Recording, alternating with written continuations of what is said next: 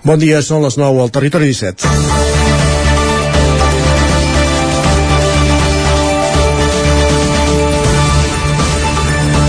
L'exalcalde de Roda de Ter i fins ahir cap de l'oposició, Albert Serra, ha renunciat a l'acte de regidor. Ho ha fet de la pitjor manera possible, després de protagonitzar un comportament inapropiat durant uns concerts de festa major. La setmana passada, els Diables del Pont Vell de Roda denunciaven en una carta al 9-9 l'actitud inapropiada d'un regidor. Hi havia testimonis dels fets i per Roda va córrer com la pólvora i el cas corria el risc d'enverinar-se. IPR, el grup d'independents amb el que Serra s'ha presentat com a cap de llista des de 2011 i era regidor des de 2007, de seguida va reaccionar, demanant-li la renúncia.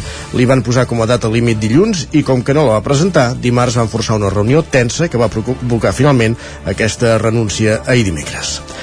Serra tanca així una etapa de 15 anys a l'Ajuntament i va entrar, com dèiem, el 2007 com a regidor d'IPR en un mandat en què els independents, liderats aleshores per Antoni Llach i Esquerra, es van partir l'alcaldia. Quatre anys més tard, amb Serra ja com a cap de llista, els dos grups van empatar regidors i Esquerra, la força més votada, va optar per governar en solitari amb Jordi Serra a l'alcaldia. Els empats han marcat la trajectòria política d'Albert Serra. El 2015 el resultat es repetia, però aquest cop aconseguia la vara d'alcalde després de, de pactar amb Convergència i Unió.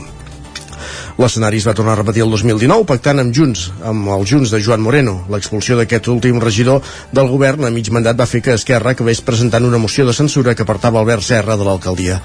Durant aquest mandat han sortit dos regidors del seu grup, Toni Vila i Marc Verdaguer, que criticava la manera de treballar d'Albert Serra. Tot i el seu caràcter controvertit, es, ell es mostrava convençut en públic de tornar a repetir com a candidat l'any 2023. Amb els fets de la festa major, però, ha travessat una línia vermella. El seu grup no només ha demanat el seu cap, sinó que més ja ha anunciat qui el substituirà al capdavant de la llista electoral el maig vinent, Yolanda Tristancho. És dimecres, 6 d'octubre de 2022. Comença el Territori 17 a la sintonia d'Ona Codinenca, la veu de Sant Joan, Ràdio Cardedeu, Ràdio Vic, el 9 FM, també ens podeu veure a través del 9 TV, Twitch i YouTube. Territori 17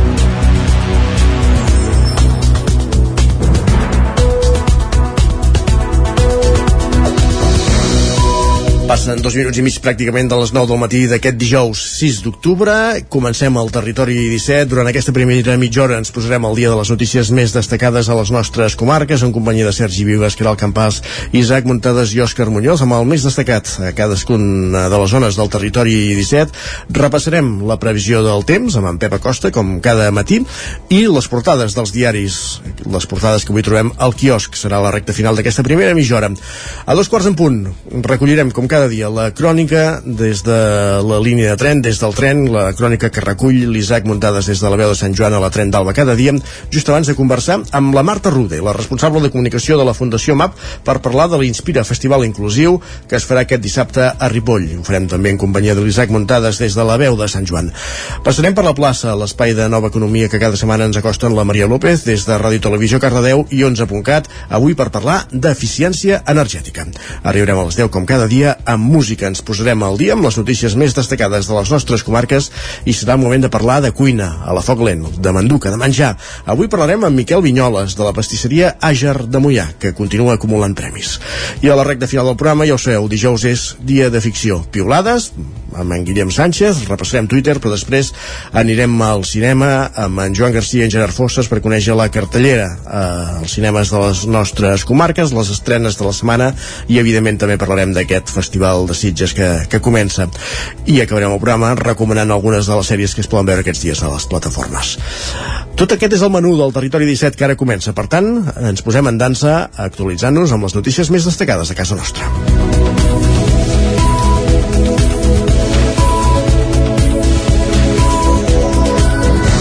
Ho dèiem, la portada IPR ha apartat el seu portaveu, l'exalcalde de Roda de Ter, Albert Serra, que s'ha vist obligat a renunciar a l'acte de regidor després del seu comportament inapropiat durant la festa major.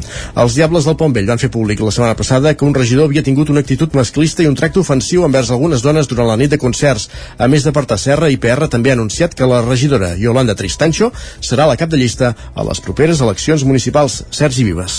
Independents pel progrés, Roda ha expulsat qui, qui fins ara era el seu portaveu, Albert Serra. Ho ha fet públic, ho va fer públic ahir dimecres a través d'un comunicat en el qual asseguraven que Serra els va confirmar que era ell la persona a qui els diables del Pont Vell denunciaven divendres a través d'una carta al 9-9. En la missiva es queixaven d'una actitud masclista i un tracte ofensiu envers algunes dones durant la nit dels concerts a la carpa municipal. Segons expliquen des del grup per aquests fets, la setmana passada li van demanar que dimitís com a portaveu i regidor i li van posar de termini fins aquest dilluns. La dimissió no va arribar i després d'una reunió tensa aquest dimarts al vespre l'han apartat. Escoltem Yolanda Tristancho, membre d'Independents pel Progrés de Roda. Això, en tot cas, el que sigui jutge que jutgi. Simplement és que creiem que bé, doncs, tot aquest enrenou que s'ha format doncs, no és bo pel partit i el que vam fer és reunir-nos amb ell i dir-li que el més sensat seria això, eh, fer un pas enrere. I pel que he vist aquest matí ho ha fet, per tant se li, se li, se li agraeix. I m'agradaria també agrair-li doncs, la tasca feina de, feta d'aquests anys, eh, diguéssim, perquè doncs, durant el seu mandat doncs, va fer bones feines. I per IPR també ha fet coses bones. Serra va presentar ahir la seva renúncia i a través d'un comunicat ha demanat disculpes pels desencerts i apunta que és víctima d'una campanya de calúmnies i difamacions. Aquesta crisi no és la primera que viu el partit durant aquest mandat. Ja a l'inici va plegar Toni Vila perquè no veia amb bons ulls el pacte inicial dels independents amb Junts. Al juliol del 2020 el grup va quedar relegat a l'oposició després d'una moció de, de censura i al juliol de l'any passat Marc Verdaguer deixava el grup i passava a ser no adscrit per discrepàncies amb Serra. Des independents pel progrés de Roda, que per ara es queden amb tres regidors, asseguren que malgrat els darrers fets, la voluntat és fer candidatura de cara a les municipals del mes de maig. Així ho diu Yolanda Tristancho. I el nostre partit ara el que hem de fer és punt i final amb tema Albert Serra, eh, jo encapçalaré la llista d'IPR i començar doncs, a treballar de valent per un nou projecte i, i a partir d'aquí a veure com sortirà tot. Serra va ser alcalde de Roda el 2015, del 2015 fins al 2020, quan després d'expulsar un regidor del govern i quedar-se en minoria li van fer la moció de censura. Formava part del consistori des del 2007 i en aquest període també va ser tinent d'alcalde, regidor del govern i a l'oposició. Més qüestions, encara a l'àmbit eh, dels moviments polítics. Carme Seguiós, regidora de Junts a l'Ajuntament de Centelles, surt del govern. En formava part actualment amb el PSC, el grup majoritari i el regidor de la CUP, Víctor Barquer. Sayó s'encarregava de les àrees de sanitat, igualtat i administració. La renúncia a ser a l'executiu la va anunciar l'últim ple municipal. Argumenta que el projecte pactat en l'inici de la legislatura, el 2019, s'ha esgotat i que en l'últim any s'han fet evidents les diferències de criteri en la gestió del municipi amb els socialistes. Sayós assegura que la seva sortida del govern, que va agafar per sorpresa els altres grups que la integren, sigui en clau electoral per la proximitat de les municipals de 2023. Del pacte A4 signat a principis del mandat a Centelles entre els socialistes, la CUP, Junts i Fem Centelles, també se n'havia desmarcat la regidora de Fem Centelles, Dolors Calm, que va deixar l'executiu al maig del 2020.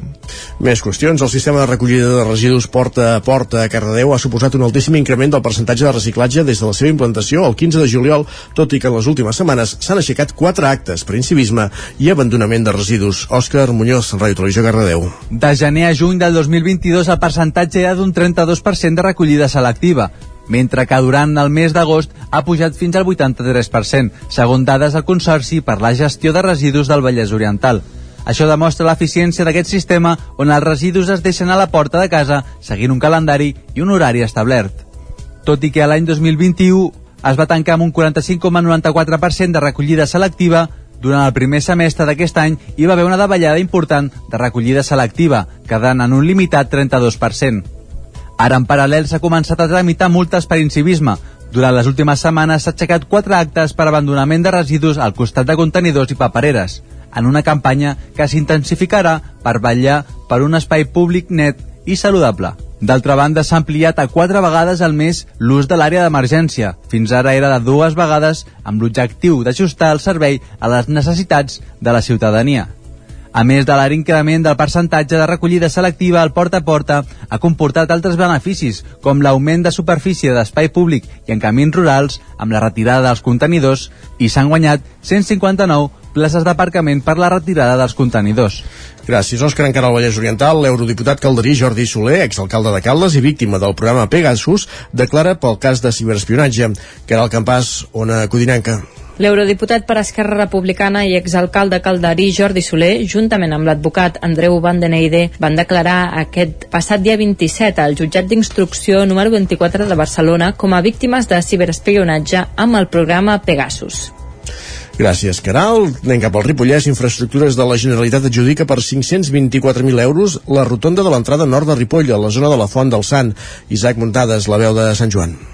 Les obres de la futura rotonda de l'entrada nord-oest de Ripoll en direcció a Can de Bànol, ubicada al costat de la Font del Sant, seran ben aviat una realitat. L'Ajuntament va confirmar que s'han adjudicat les obres del projecte constructiu d'aquesta rotonda a la intersecció de la C-17 amb la Nacional 260. Tot i això, escoltant la Maroteca, s'ha pogut comprovar que l'adjudicació ha anat més de 3 mesos tard, ja que les obres ja haurien d'haver començat, tal com deia l'alcalde Jordi Monell el passat mes de juny. Preveuen que ara aquest mes de juliol es pugui adjudicar sense res de nou i que per tant a partir del setembre setembre-octubre poguéssim veure ja el començament d'aquests treballs si no, si no passa res anormal. I per tant esperem que això que els terminis compleixin Infraestructures de la Generalitat de Catalunya l'ha adjudicat finalment per un pressupost de licitació de 524.400 euros amb l'IVA inclòs amb una durada del contracte de 5 mesos. Per tant, hauria d'estar enllestida per a principis del 2023. La rotonda ha de solucionar aquest punt negre d'accidentalitat de la comarca, on el passat mes de juny una furgoneta blanca va xocar contra una senyal de trànsit i gairebé la va arrencar, però per sort no va haver-hi ferits. Les obres s'han adjudicat en dos lots. El primer a l'empresa Pasquina S.A. per un import de 419.900 euros euros amb l'IVA inclòs i el segon a l'empresa Gibassa S.A. per un valor de 69.700 euros. L'adjudicació es va publicar el passat 27 de setembre i el contracte es formalitzarà en el termini màxim de 15 dies hàbils de que infraestructures.cat remeti la notificació als licitadors. Les altres rotondes que encara s'estan construint són les dues que han de servir per accedir al polígon dels Pintors a la Ronda Mas d'en Bosch de Ripoll, que van començar a fer-se el mes de febrer i s'havien d'acabar al juliol, però a principis de maig es van aturar per l'encariment del cost dels materials, que va obligar l'empresa encarregada de les actuacions a demanar una rectificació del contracte a la Direcció General d'Infraestructures de Mobilitat, l'organisme que havia de valorar com quantificar l'increment. Ara fa un mes que les obres es van reprendre i l'objectiu seria acabar-les a finals d'aquest mes o principis de novembre per evitar fer obres amb un increment del fred. Els tècnics de l'Ajuntament sí que han constatat que els treballs s'han accelerat. Gràcies, Isaac. I a Vic, l'Escola Guillem de Montrodon inicia aquest mes d'octubre la celebració dels 50 anys del centre. La comissió que organitza l'aniversari té l'objectiu de fer un acte cada mes durant tot el curs i posar en valor també la tipografia Guillem, que es va crear al mateix centre per facilitar l'aprenentatge de la lectoescriptura. L'any 1970 es va començar a construir l'edifici de l'escola Guillem de Montrodon de Vic, on s'hi van començar les classes dos anys després. Ara ja en fa 50 i des del centre s'ha creat una comissió que té l'objectiu per fer una activitat cada mes fins a final de curs per commemorar l'efemèride. Un dels fets que ha marcat la història del centre, recordava la directora, és la fusió del grup del curs 1998-99 amb l'escola Sant Miquel dels Sants per potenciar la integració i inclusió de l'alumnat nouvingut i aconseguir un equilibri en la distribució de la ciutat. Una altra característica ha estat la implicació de les famílies amb l'escola. Escoltem per aquest ordre a Eli Minchillo, directora de l'escola, i Ariadna Pifarré, presidenta de l'Associació de Famílies d'Alumnes es va treballar per aconseguir que es conservessin aquelles pràctiques específiques que definien la línia pròpia de cadascun dels dos centres per fomentar la cohesió social entre els mestres, les famílies i l'alumnat, conscients que l'escola és fruit de la fusió i per tant és diversa i plural com la mateixa societat. Aquest eh, compromís ferm i aquesta participació activa de totes les famílies en el procés educatiu dels nostres fills han contribuït no, a que l'escola sigui reconeguda a la nostra ciutat com una escola que va més enllà no, de donar un, uh, una educació purament acadèmica no? En el marc de la celebració dels 50 anys es faran actes per recordar les persones que han deixat empremta al centre, però també es posarà en valor la tipografia Guillem, una lletra pròpia que es va crear per facilitar l'aprenentatge de la lectoescriptura. Escoltem a Vicky Gask, coordinadora de la comissió dels 50 anys. que es va pretendre en aquell moment va ser uh, facilitar el procés de lectoescriptura de tots els alumnes uh, amb la idea de que els lligams dificulten la percepció visual en el moment de la lectura i el traç en el moment de l'escriptura. El que es buscava era tenir una lletra pura, sense floritures, um, que facilitava molt tot, tot aquest procés de lectoescriptura. La primera activitat del cinquantenari de l'Escola Guillem de Montrodon serà una bicicleta d'aquest octubre fins la casa de Montrodon per conèixer el personatge que li dona nom al centre. Més qüestions. Un camió va volcar ahir pels vols de les 11 del matí al quilòmetre 40 de la C-17, just després de Sant Martí de Centelles. El vehicle que portava un remolc de l'empresa un, remolc de l'empresa Conforça de Camp, de Camp de Bànol va quedar sobre la tanca de la carretera i va perdre part de la càrrega que transportava. Això va obligar a re restringir el trànsit restringir el trànsit en sentit sur al, a un sol carril, situació que es va allargar fins a la nit. Això va provocar retencions en alguns moments de fins a dos quilòmetres. Els serveis d'emergències no van tardar a retirar el camió, tot i que els operaris de manteniment van estar valorant l'estat de l'asfalt, ja que a més a més es va produir una fuita de combustible. Segons informen des del Servei Català de Trànsit, el conductor no va prendre mal i Arnau Tordera ha compost una òpera per al Liceu de Bracet amb el barri del Raval. L'obra, que s'anomena La gata perduda, es va estrenar ahir i repeteix funció aquest divendres amb les entrades exaurides. Si l'òpera com a gènere s'ha concebut històricament com una exhibició de la capacitat vocal dels protagonistes, com s'hauria d'articular una obra que tingués com a protagonista un cor amateur? Aquesta és la premissa de la qual parteix la nova composició d'Arnau Tordera en el marc de la nova òpera La gata perdura, perduda, que es va estrenar ahir al Gran Teatre del Liceu i que repetirà funció aquest divendres. Escoltem Arnau Tordera. Lluny de voler aconseguir que la gent que ve de l'àmbit amateur fes una cosa que no era capaç de fer o que la gent professional la rebaixés, el que he fet ha estat utilitzar precisament aquestes singularitats de cadascun dels dos àmbits per eh, per aprofitar-ne les seves peculiaritats i treure'n el major suc possible. Aquesta obra és un treball col·lectiu amb el barri del Raval i és la primera producció del programa Òpera Prima, la nova línia de creació comunitària del Liceu. El projecte compta amb la intervenció de més de 1.000 persones d'unes 40 nacionalitats, entre els veïns i veïnes del Raval i les 72 associacions i institucions del barri que s'han volcat en la creació de l'obra. La dramaturga Victoria Spunberg es va fer càrrec de l'escriptura del llibret i Tordera es va fer càrrec de les tasques compositiva i orquestral per instrumentar una orquestra sinfònica de gran format. Arnau Tordera. Aquesta òpera relaciona amb tota la història del gènere, que ve en efecte de segles enrere, però que al mateix temps es relaciona també amb els conceptes, les estètiques, la manera que tenim avui en dia d'escoltar. També en aquest sentit ha estat un diàleg entre el passat i el present i al final crec que he aconseguit un tipus d'artefacte musical que serà gaudit per erudits en la matèria i també per gent que, per exemple, només ha consumit sèries o pel·lícules o, o, o ni tan sols això, però que en canvi podrà gaudir d'aquest artefacte sonor que és una òpera del segle XXI. La gata perduda va ocupar ahir el Liceu amb aforament complet i divendres tornarà a fer una altra funció que ja ha esgotat les entrades. El procés de creació comunitària es veurà en una docusèrie realitzada per TV3. Gràcies, Sergi. Acabem aquí aquest repàs informatiu que començàvem a les 9 en companyia de Sergi Vives, Isaac Muntades, Caral Campàs i Òscar Muñoz. Moment al territori 17 de saludar en Pep Acosta.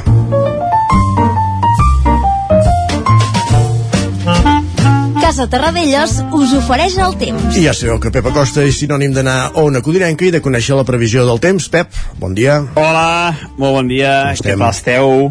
Bé, tu? Amics oients, espero que molt bé. Col·laboradors que fan el programa, espero que també estigueu molt bé. Tothom bé, i tothom. que aquest dijous sigui uh, un molt bon dia. Pel que fa al temps, les coses um, comencen a canviar una mica uh, canvia una mica. I és que um, s'està formant uh, els mapes del temps comencen a ser una mica més interessants. Uh, s'està formant una petita una petita pertorbació uh, a, al, al Mediterrani, just davant de la costa valenciana, eh, entre la costa valenciana i la costa de Múrcia, s'està formant una petita, una petita pertorbació i pot eh, comportar eh, uns mapes de, de, del temps més interessants, més interessants aquests, aquests pròxims dies. Eh, pel que fa avui, pel que fa avui, mm, les temperatures mínimes eh, han estat eh, una mica més altes, tenim uns vents una mica de sud, Uh, I això fa que la temperatura sigui això un pèl més alta. La majoria de les mínimes han estat entre els 13 i els 18 graus, uh, mínimes força suaus pel que fa a l'època de l'any. Tenim més núvols també. Aquests núvols també han fet que, que les temperatures siguin una mica més altes de nit. Tenim més núvols perquè també buf, bufen aquests vents marítims que van aportant, a mica en mica, més nuvolositat. De cara a la tarda, de cara a la tarda els núvols també es faran més presents, encara més, eh, més presents, i no es descarta, no es descarta eh, alguna gota cap a la zona del Pirineu, si és que hi va caure molt poca cosa. Però en general, els núvols n'hi més, eh, bastants més núvols que els que hem tingut durant tota la setmana.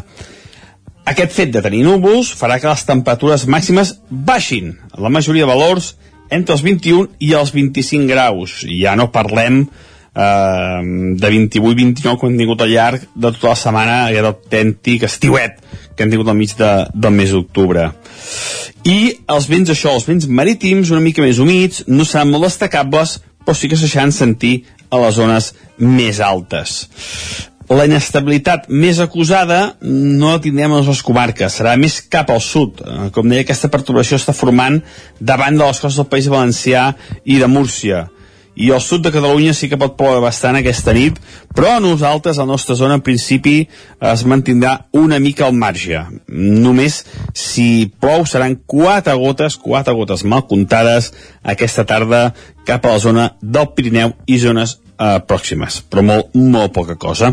De cara al cap de setmana, sembla que la inestabilitat guanyarà pes i divendres i dissabte poden ser dos dies bastant inestables. Veurem perquè aquesta pertorbació eh, dependrà molt d'on s'instal·li eh, tindrem un temps o un altre i les precipitacions seran escasses o una, o una mica més importants anirà de, de pocs quilòmetres eh, s'ha de seguir dia a dia, dia a dia aquesta situació. Adeu ho seguirem, doncs. Gràcies, Pep. Parlem d'aquí una estona. El que fem tot seguit és anar cap al quiosc. Casa Tarradellas us ha ofert aquest espai.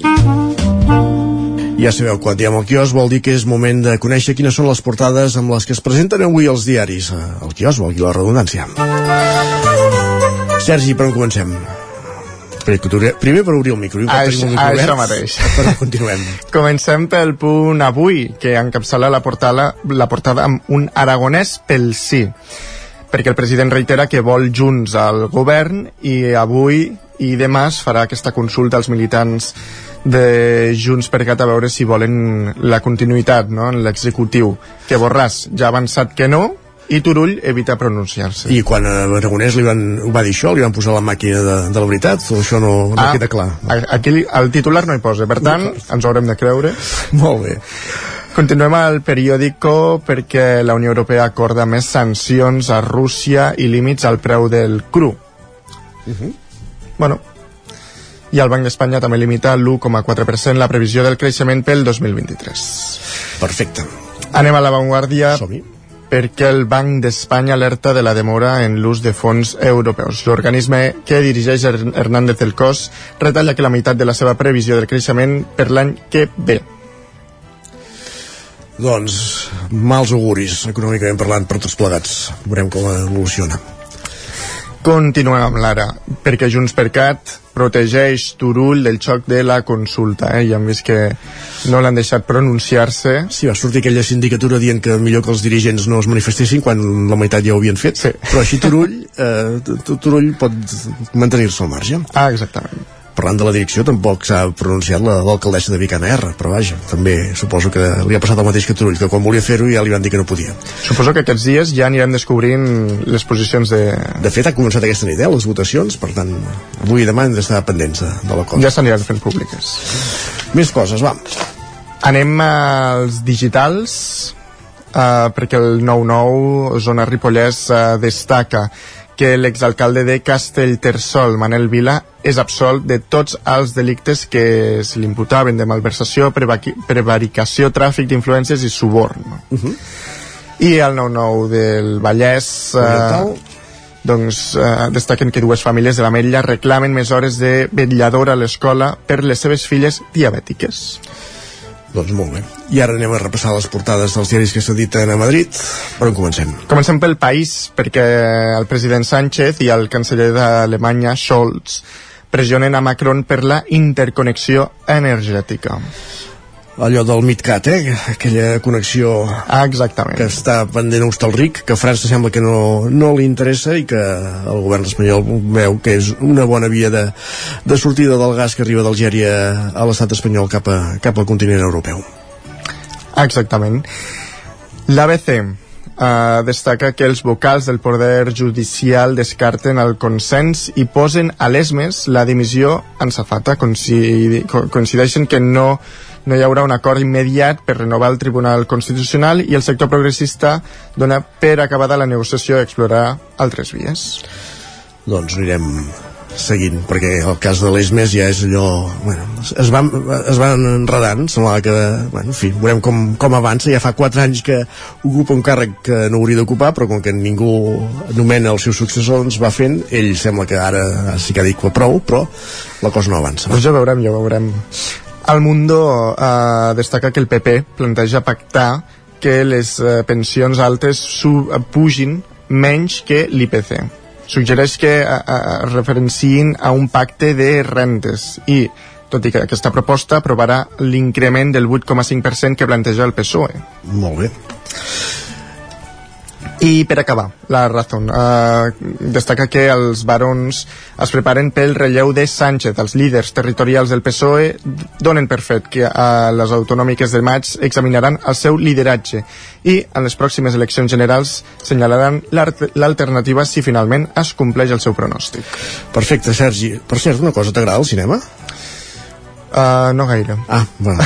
doncs això no és per jo soc, tu. soc més de sèries. Ets més de sèries. Doncs sí. això no és... Bueno, doncs, potser sí que te'n pots beneficiar, vaja. Sí? sí, perquè en una col·laboració entre la veu de Sant Joan i el Terra Gollut i el Territori 17 fa que haguem engegat un concurs a Instagram on els 10 primers participants obtindran un tiquet per accedir a Filmin, eh, el canal de filming de, del Festival Terra Gullut. Què s'ha de fer? Doncs entrar a l'Instagram del Territori 17 i allà trobareu la, les instruccions per participar al concurs. Ep, doncs de, de, de temps fins demà.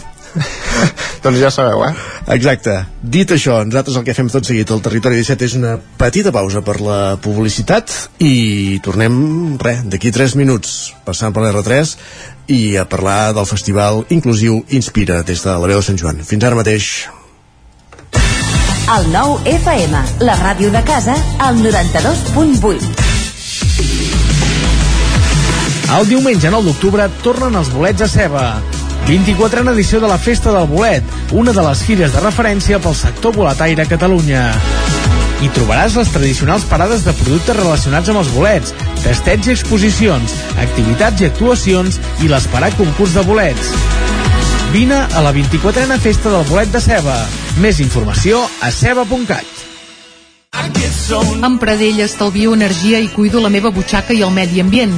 Posa't en mans a Pradell, són experts en calderes de gas i condensació, estufes de pelat, energia solar, terres radiants i geotèrmia. Pradell instal·la calderes de biomassa per a particulars i per a empreses. Si vols estalviar un 50% en consum, contacta amb Pradell i passa't a les energies renovables. Pradell som a l'Avinguda Països Catalans 27 de Vic. Telèfon 93 885 1197. Pradell.cat. Cobertes serveis funeraris. Els nostres tanatoris estan ubicats en els nuclis urbans més poblats de la comarca d'Osona per oferir un millor servei. Tanatori de Vic, Tanatori de Manlleu, Tanatori de Centelles i Tanatori de Roda de Ter. Sabem que són moments difícils i per això el nostre compromís és atendre-us en tot moment amb un tracte humà, sensible i respectuós. Cobertes serveis funeraris. Telèfon 24 hores 93 883 23 46. Has d'organitzar un esdeveniment? A l'Ineixat lloguem les cadires, taules, plats, coberts, rams de flors i tota la decoració necessària per preparar qualsevol esdeveniment. Vine a buscar material per a festes, casaments, celebracions culturals, espectacles, concerts o reunions d'empresa i de família. Ens pots venir a veure al passeig de la Generalitat número 52 Baixos de Vic, buscar-nos a les xarxes o trucar-nos al telèfon 670 38 96 25. Ah, i també ens trobaràs a Girona. L'Ineixa tenim tot el que pots necessitar per fer-te la vida més fàcil. Cocodril Club. Si t'agrada la bona música dels anys 60, 70 i 80, escolta el 9 FM als matins de dissabtes i diumenges d'11 a 1. És el temps del Cocodril Club, tot un clàssic de la ràdio, amb les bases del pop-rock, les llegendes, les cançons que s'han convertit en autèntics himnes. Recorda, dissabtes i diumenges al matí, d'11 a 1, al 9 FM 92.8. Cocodril Club, el programa revival de l'Albert Malla. Hasta luego, cocodrilo. Anuncia't al 9FM. La ràdio de casa. 9 3 8 8 9 4 9 4 9 Publicitat arroba al 9FM.cat. Anuncia't al 9FM. La publicitat més eficaç. El 9 FM, el 9 FM, el 9 FM, el 9 FM, el 9 FM. Territori 17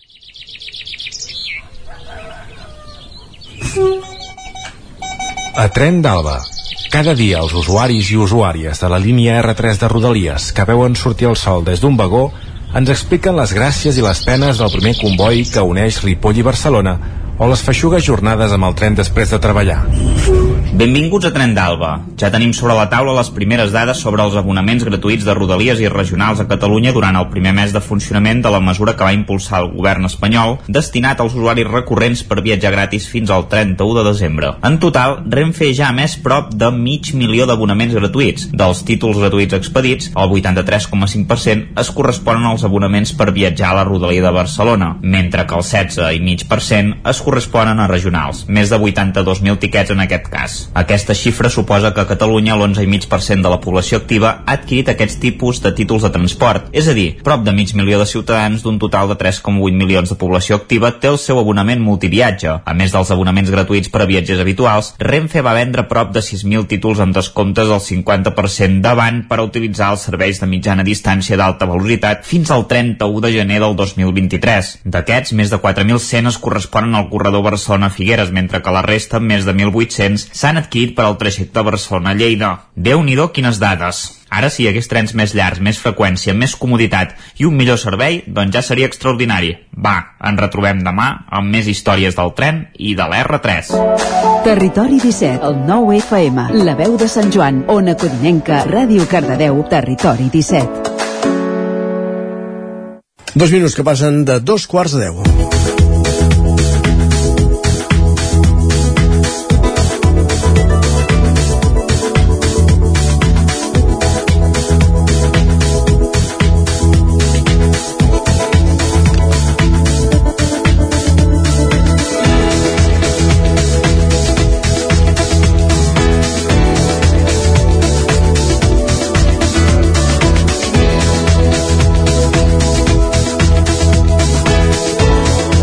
Aquest dissabte arriba a la Devesa del Pla de Ripoll la tercera edició del Festival Inclusiu Inspira, un esdeveniment organitzat per la Fundació MAP que durat tot el dia i que esperarà reunir uns quants milers de persones per gaudir de concerts, tallers, espectacles pensats per a tothom. Isaac Montades, la veu de Sant Joan, bon dia. Per parlar-ne a l'estudi de la veu de Sant Joan, la tècnica de comunicació de la Fundació MAP, la Marta Roder, que ens explicarà tots els detalls d'aquest festival. Bon dia, Marta, i moltes gràcies per seguir amb nosaltres avui. Bon dia, moltes gràcies per convidar-me. Comencem per parlar de l'èxit de, del festival abans que se celebri, perquè eh, hi havia 5.000 entrades a la venda, com tots sabem, que és el límit d'aforament doncs, que ja ho ha establert durant tots aquests anys a l'espai de la Devesa del Pla. No sé si s'han venut totes, si encara en queden, si encara en queden com es poden aconseguir. No s'han venut totes, encara en queden, estem, diguéssim, a la recta final. Les vendrem de manera anticipada fins al divendres a les 12 de la nit, eh, sobretot pel canal en línia, tot i que també tenim un punt físic al restaurant Cat Canguetes de Ripoll, que també està gestionat per la Fundació MAP, i eh, com que preveiem no eh, acabar o no emplenar l'aforament encara el divendres, en vendrem també a taquilla el dissabte. Això sí, ja estem avisant de que seran un pèl més cares mm, per totes les despeses de gestió que també ens comporta el fet d'haver de fer venda taquilla. Uh -huh. Per tant, eh, la gent que vulgui venir que s'afanyi que, que això, que tenen fins divendres a les 12 de la nit per si estan indecisos. Doncs va. Uh, Marta, uh, la segona edició del Festival Inspira ja queda lluny perquè es va fer abans de la pandèmia el 2019 Uh, eh, això vol dir que no sé si us ha costat molt tornar a recuperar l'esperit del festival, recuperar l'activitat, tornar-lo a fer després d'aquesta parada obligada de, de gairebé 3 anys. Mira, per un cantó sí que eh, ens ha costat una mica perquè, clar, mm, el ser una entitat d'atenció directa a les persones, aquesta pandèmia ens ha afectat molt directament, eh, no només per, per, pel tema doncs, de la pròpia malaltia, sinó també a nivell de, de la càrrega no? que han tingut els professionals d'atenció directa. I és clar, nosaltres heu de pensar que aquest festival eh, el muntem des de les aules, comptant amb els professionals de suport, les persones ateses, llavors sí que ens feia una mica miqueta de por a veure com, com estaríem, no? com aniria tot plegat. Però d'altra banda, com que teníem ja molta feina feta del 2019, és a dir, per exemple, doncs, a nivell de decoració, a nivell sobretot d'experiència, llavors això ens va fer que mm, ens empassíssim una miqueta les pors i tiréssim endavant. Ha costat una mica, ha costat una mica també perquè nosaltres hem continuat eh, amb grups una miqueta fragmentats encara, no? I llavors ha fet que l'activitat també hagi quedat com una miqueta més dispersa dintre de la fundació, però no, no, estem molt contents del resultat perquè s'hi ha implicat absolutament tothom. Uh -huh. Abans de parlar dels caps de cartell, Marta, l'Inspira destaca per això mateix, perquè és un festival inclusiu, ja ho hem comentat, durant tot el dia de fet hi haurà eh, activitats en aquest sentit, és el cas de, de clams o per exemple de P9 dansa, entre d'altres. No sé si ens podries eh, parlar en què consisteixen aquests dos espectacles. Sí, eh, nosaltres ens distingim això, no? un dels principals eixos és la inclusió, eh, primer perquè la gent que de vegades té dificultats d'accedir a aquest tipus de festival pugui accedir-hi. Uh, per això també facilitem no? amb tota una sèrie d'eines com horaris i espais accessibles, comunicació accessible, pictogrames, àudios, llengua de signes, bucle magnètic, una zona d'entitats, etc etc. I llavors, per això que comentaves tu, no? de per fer pujar l'escenari també aquestes altres capacitats al costat doncs, de, de grups emergents de l'escena catalana, no? perquè són espectacles de qualitat tan o més vàlids no? i amb tan o més qualitat que aquests que estem acostumats que emplenin festivals, no? En aquest cas, nosaltres podíem dir que l'espectacle estrella, els do, dos dels espectacles estrella, són Clams, que és una banda de pop rock sorgida d'una entitat com la nostra, Músics per la Inclusió, que es distingeixen per tenir un cor format per persones amb discapacitat intel·lectual que s'integren amb la música que, que realitza el grup. I per altre cantó tenim P9 Dansa Inclusiva, que és un espectacle creat per la coreògrafa i ballarina olotina Eva Durban, um, que ha creat una companyia de 24 ballarins i ballarines, set dels quals presenten diversitat funcional, i és un espectacle de molta qualitat i molt emotiu, que jo crec d'aquests que no deixarà indiferent, no? Llavors entre, mira, entre Blaumut i Catarres, passaràs pel, per l'escenari talent i podràs viure aquesta experiència que segurament no t'ho trobaries en un festival d'aquestes característiques. En, eh, encara a l'escenari talent també hi haurà Artiment Poemes Musicats, eh, amb el conte El País Vermell i el programa El Gall de la Veu de Sant Joan. Exactament què, què hi faran, Marta? Exacte, nosaltres eh, distingim aquests dos escenaris, l'escenari Valors, que és l'orbital, és el més gran, que és el que acollirà aquest tipus d'espectacles que pel seu format requereixen aquest tipus d'escenari, no? que, és, que són els concerts, no? són xiules, són blaumut, són catarres, són Marcel i Júlia, i aquest espectacle talent l'espectacle, perdó, l'escenari talent, que serà com de més proximitat del públic per poder ensenyar doncs, tots aquests espectacles més de proximitat com Plan, Clams P9, la ràdio La Veu de Sant Joan, on els companys de la Fundació MAP ens mostraran com realitzen aquest programa també amb persones de Fundació MAP, un programa que serà participatiu, que farà participar el públic, i llavors també tindrem Artiment, que és un espectacle que han eh, que protagonitzen i que han organitzat des de la taula per la salut mental del Ripollès, que hi haurà poemes, hi haurà eh, música, hi haurà dansa, hi haurà pintura al mateix temps, és a dir, serà un, un espectacle molt visual i molt plàstic, i llavors també doncs, tindrem el conte El País Vermell eh, que ha estat ideat per la companyia de teatre de la Fundació MAP que sempre ens sorprèn amb els seus espectacles de qualitat. Doncs en aquest cas n'han fet un dirigit al públic més familiar. Es tracta de versionar contes infantils tradicionals amb un missatge inclusiu. Uh mhm. -huh. I aquest any, a més a més, eh, ja ho has avançat, eh, Marta, el, el cartell musical a l'escenari Valors, eh, que ho comentaves, eh, has, dit, has parlat de Xiula, de Catarres Blaumut, és potent, explica'ns això, eh, que que, que, que per què destaquen aquests grups? Perquè alguns són molt coneguts. Exacte. És a dir, nosaltres som conscients que per arribar a vendre aquest volum d'entrades amb un ripollès, és igual, amb un ripollès o amb un barcelonès, eh? eh necessites una mica doncs, el reclam, no? I llavors per això hem, hem intentat, sempre intentem de buscar aquests grups que estan al capdavant de, de l'escena del panorama musical català perquè ens ajudin, no? A més a més, sempre intentem també que siguin grups amb una sensibilitat, no? Doncs, per exemple, tenim Marcel i Júlia, que tenen una sensibilitat sobretot amb tot el tema mediambiental. Nosaltres hem de dir que aquest any, a banda de la inclusió, un dels eixos potents del festival també és la sostenibilitat, per tant ens encaixen perfectament. Tenim uns catarres, uns catarres que també els coneixem per implicar-se en diferents iniciatives solidàries d'entitats del tercer sector.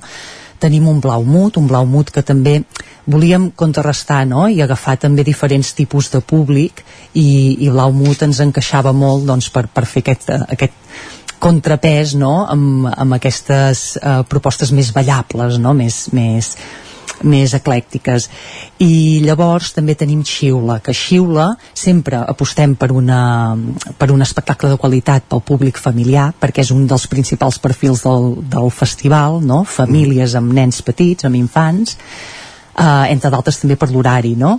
i llavors Xiula hem de pensar que tres dels seus membres són educadors socials, ells ja ens van contactar la primera vegada que van veure que fèiem aquest festival i vam dir, nosaltres som inclusius també, volem ser-hi, de fet pel 2020 ja els teníem emparaulats, llavors va venir la pandèmia i vam dir, quan tornem a engegar, contem amb vosaltres, i així ha set. Uh -huh. I la veritat, ells tenen uns missatges molt potents, des de la inclusió um, uh, stop bullying, stop desnonaments, etc etc. És a dir, és un grup que ens encaixa moltíssim.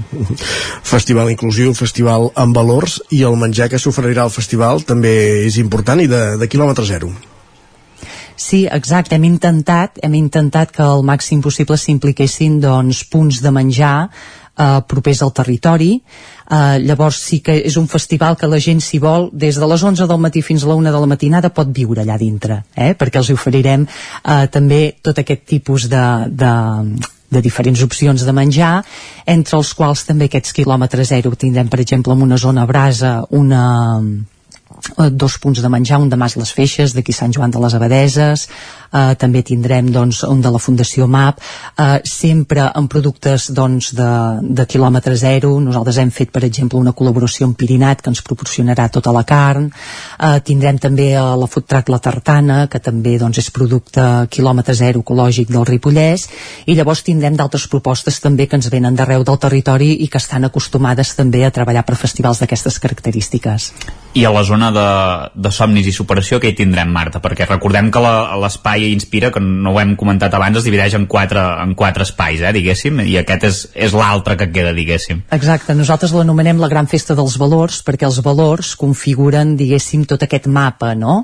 Tenim l'espai, el, els escenaris talent i valors, però també tenim aquests espais que hem anat anomenant, no? els espais felicitat de food trucks, l'espai somnis d'activitats infantils, l'espai superació, que també és un espai de, de sensibilització, llavors en aquest cas, en el de somnis i superació, i tenim les activitats pensades per a un públic infantil, que tenim inflables, jocs gegants, tenim circ, tenim tallers també que hem ideat des de la Fundació MAP amb adaptacions perquè hi puguin participar infants amb tot tipus de capacitats, també aquells que tinguin alguna dificultat, i llavors també són tallers molt pensats també per fer-los amb material reciclat i amb productes eh, de la naturalesa, no? una miqueta també seguint aquest eix de, de sostenibilitat. I llavors a l'espai superació hi tindrem també l'ACPAT, que també ens ha permès fer aquest treball en xarxa, no? taula de salut mental del Ripollès, Consorci de Benestar Social, doncs en aquest cas l'ACPAT ens proporcionarà tota una sèrie de jocs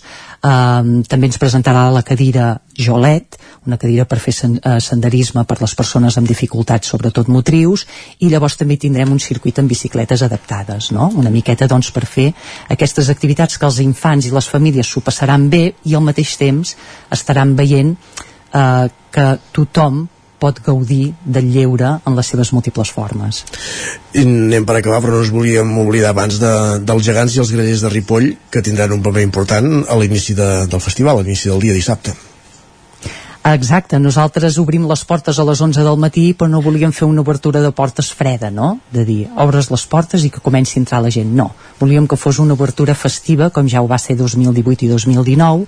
Llavors contem amb la col·laboració de Grallers de Can Davant o Gegants de Ripoll i també a última hora hem comptat amb Diables de Ripoll, que també ja havien vingut en, en d'altres ocasions a les 10 del matí es concentraran a la plaça de l'Ajuntament i així d'aquesta manera també farem la crida a tothom a acompanyar-nos i ens passejarem pels carrers per celebrar que comença l'Inspira i anirem fins les portes del recinte i farem aquesta obertura més festiva. L'Inspira, aquest festival inclusiu que impulsa la Fundació MAP i que es farà dissabte a la Devesa del Pla de Ripoll, n'hem parlat amb la cap de comunicació de la Fundació MAP, Marta Roder. Gràcies per ser avui aquí al Territori 17, que vagi molt bé el festival i una abraçada, Marta. Moltes gràcies a vosaltres, una abraçada. Bon dia. Gràcies també, Bon Isaac, dia. per acompanyar-nos en aquesta Gràcies entrevista. a vosaltres. Continuem, continuem avançant al territori 17, tenim més qüestions, tenim més continguts per oferir-vos en aquest programa d'avui dijous 6 d'octubre de 2022. Tot seguit anem cap a la plaça.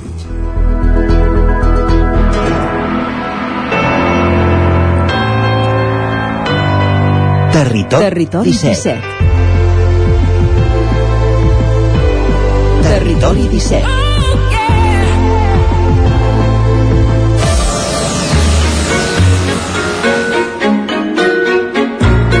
I ja sabeu que quan al territori 17 diem la plaça, anem a la plaça, sortim a la plaça, vol dir parlar de nova economia, l'espai que ens acosten cada setmana, la Maria López i 11.cat i avui per parlar d'eficiència energètica.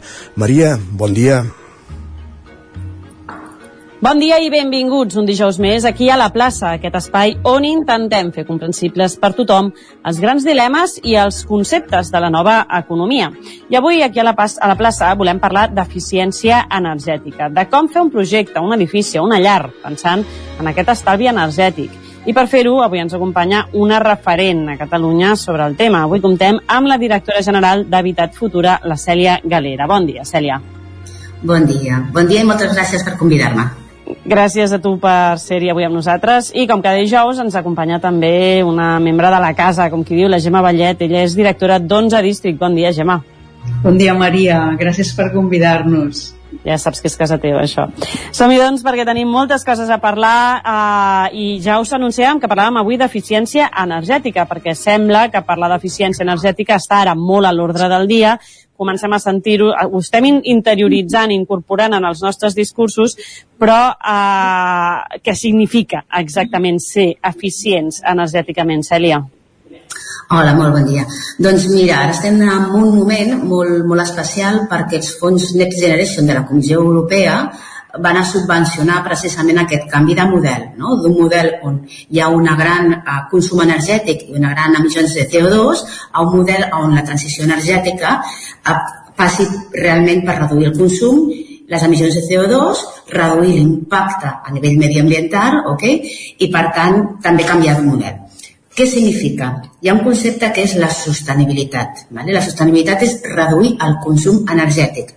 Això en bioclimatisme hi ha mesures com són finestres o, o el bonus inclús als edificis que d'alguna manera eh, fan que consumeixis menys. L'eficiència energètica, en definitiva, és un, és un terme que forma part d'aquest concepte de sostenibilitat, que és que allò que has de consumir ho facis de la forma més intel·ligent i més eficient. Mm? Què significa? Que si has d'utilitzar un aire condicionat, una bomba o de calor o el que sigui, utilitzi la menys energia possible.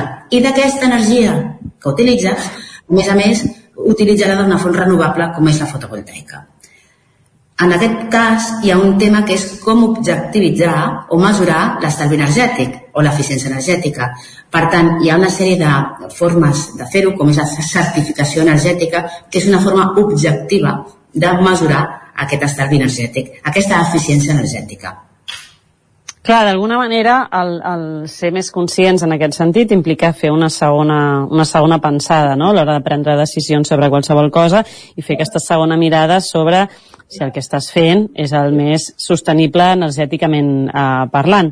El que no tinc clar, i això ja és quasi una opinió personal que et consulto, és si la nostra societat és prou eh, altruista en aquest sentit, o sigui, no som massa egoistes com per fer aquesta segona mirada. Creus que serem capaços de canviar la societat perquè incorpori aquesta segona mirada en cada acte? Home, mm, jo crec que l'esperança mai l'hem de perdre, no? Perquè si no, mm, vull dir, on estem... ens queda, no? ens queda, no? Eh, i, si, I si hem de morir, morirem, morirem amb la batalla, no? Vull dir, jo crec que estem a temps, però aquest punt egoista que dius, o, o d'amor propi, no? de cada un pensa la seva, precisament una mica el concepte d'agrair eficient és donar resposta a necessitats individuals per tal d'arribar a pactes en comuns. El concepte de cooperativa, en definitiva, és tu pots treure un benefici individual, no? resol la teva necessitat individual, inclús com amb les relacions personals. Cada un té una necessitat que cobrir, correcte? Doncs perfecte. Mm. Però és que, a més a més, després, una vegada que això està resolt, pots fer coses en comú. És allò que els mateixos um, amb, els, amb els avions et diuen primer posa't tu no? el, el, mm. el talló de salvavides i després sí. posa salvar l'altre no? jo crec que una mica és donar solució a problemes individuals, però tot solucionant problemes globals. ¿vale? Jo crec que en aquest sentit sí que podrem ser capaços de donar-li aquesta volta, perquè que a la fi posar una fotovoltaica a casa teva el que està contribuint és a reduir el consum, però també estàs contribuint a reduir les emissions de CO2 al planeta. No? Jo crec que en aquest punt és un canvi de xip, però un canvi de xip que passa una mica per aquí.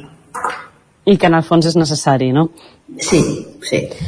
Abans has posat algun exemple així puntual, però per concretar una mica i perquè hi ha vegades que segurament ni, ni, ni pensem, no? Al no estar acostumats a fer aquesta segona mirada. Com es pot fer una casa, una comunitat que sigui eficient a nivell energètic i econòmic? Home, si et fas una casa nova és més fàcil, no? perquè tot ho fas de nou.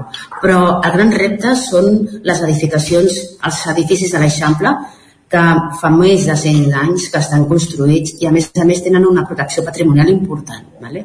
Per tant, el primer de tot són finestres, tancaments, eh, les finestres les pots canviar amb vidres aïllants, amb fusteries també aïllants, els aïllaments sota coberta és un altre molt eficient, la fotovoltaica, un sistema de calefacció com pot ser l'aerotèrmia, que s'alimenta precisament de l'aire, però la seva posta en funcionament està alimentada per la fotovoltaica. Per tant, tant l'aigua calenta sanitària com la climatització, és a dir, fred i calor, estan alimentats per la fotovoltaica, que és aquesta energia gratuïta no? del sol.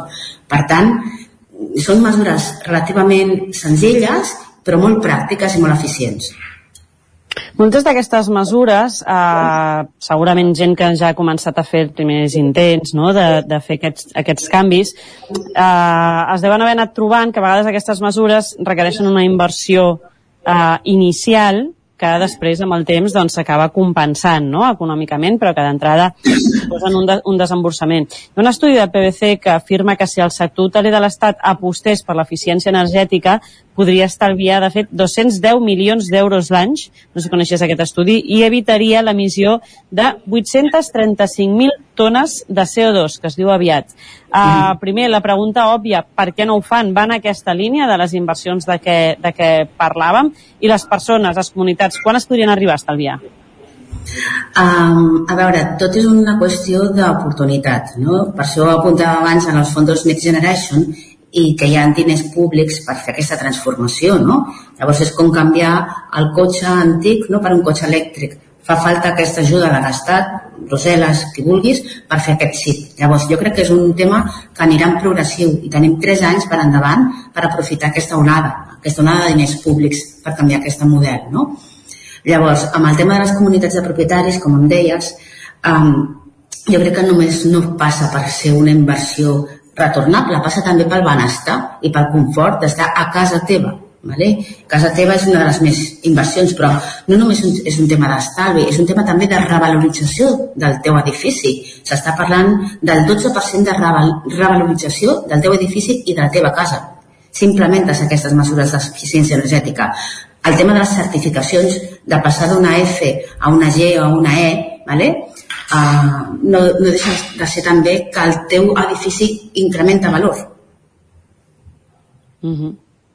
Una manera de fer d'invertir quasi com qui li posa parquet, no? Per si dir-ho.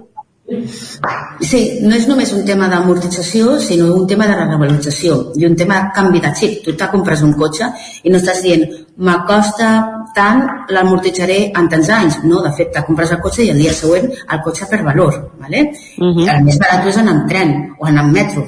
No estem parlant d'això, estem parlant de què? Jo em poso unes fotovoltaiques a 25 anys de duració i no estic pensant en quan les amortitzo. Em compro una nevera i no penso en quan l'amortitzo. Jo crec que és una mica aquest canvi de xip, Aquest no? canvi de... Sí, sí, canvi de mirada total. Compro un cotxe i no estic pensant el cotxe quan estalviaré en gasolina o en, en fuel en 8 anys. Automàticament el cotxe perd valor el dia següent. Perquè hem de pensar que te poses la fotovoltaica i l'amortitzo amb l'estalvi.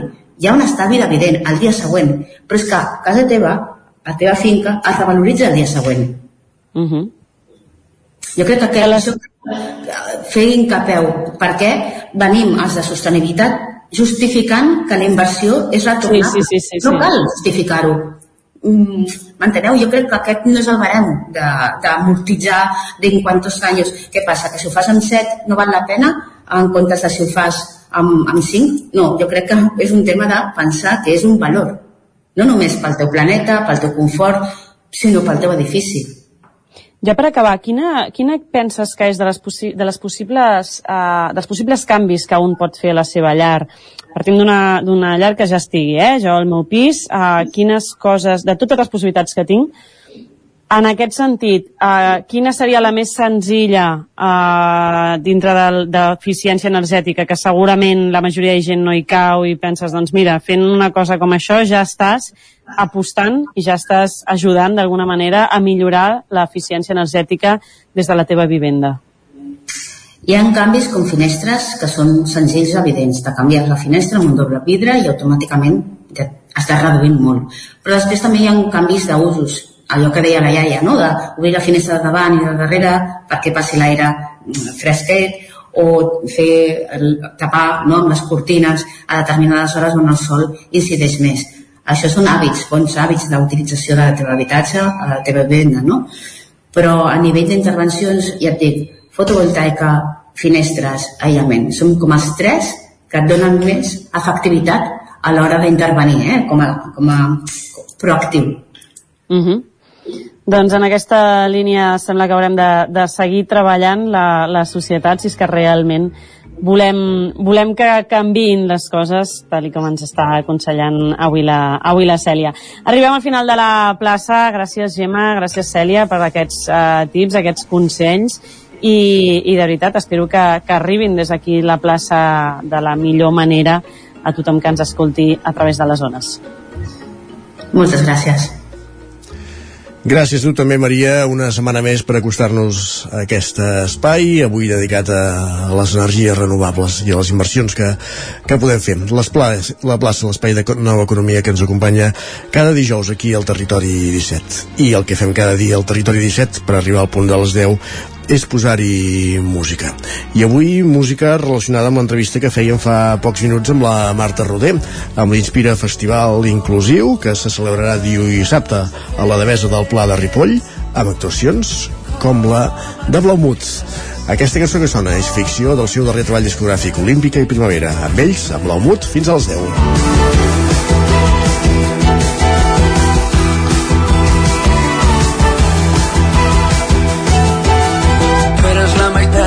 Pagaves primer. La curiositat va tornar-s'hi després. Vam trobar la clau amagada al mitjó.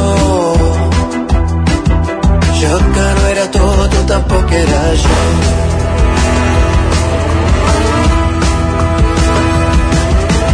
Jo que encatjava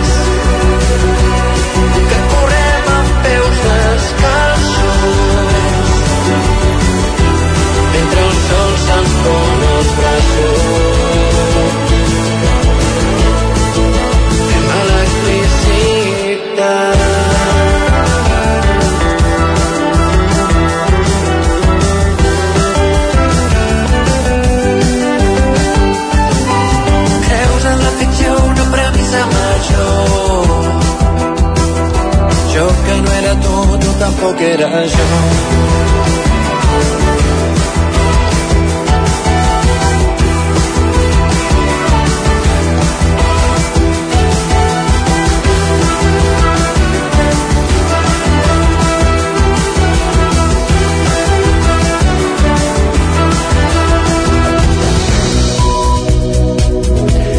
És moment al territori 17 d'actualitzar-nos, de posar-nos al dia amb les notícies més destacades de les nostres comarques, el Moianès, el Ripollès, el Vallès Oriental i Osona, en connexió amb les diferents emissores que dia a dia fan possible aquest programa. La veu de Sant Joan, Ona Codinenca, el Ràdio Cardedeu, Ràdio Vic eh, i el 9FM. També ens podeu veure, sintonitzar a través del 9 TV, del 99.cat, de YouTube i de Twitch.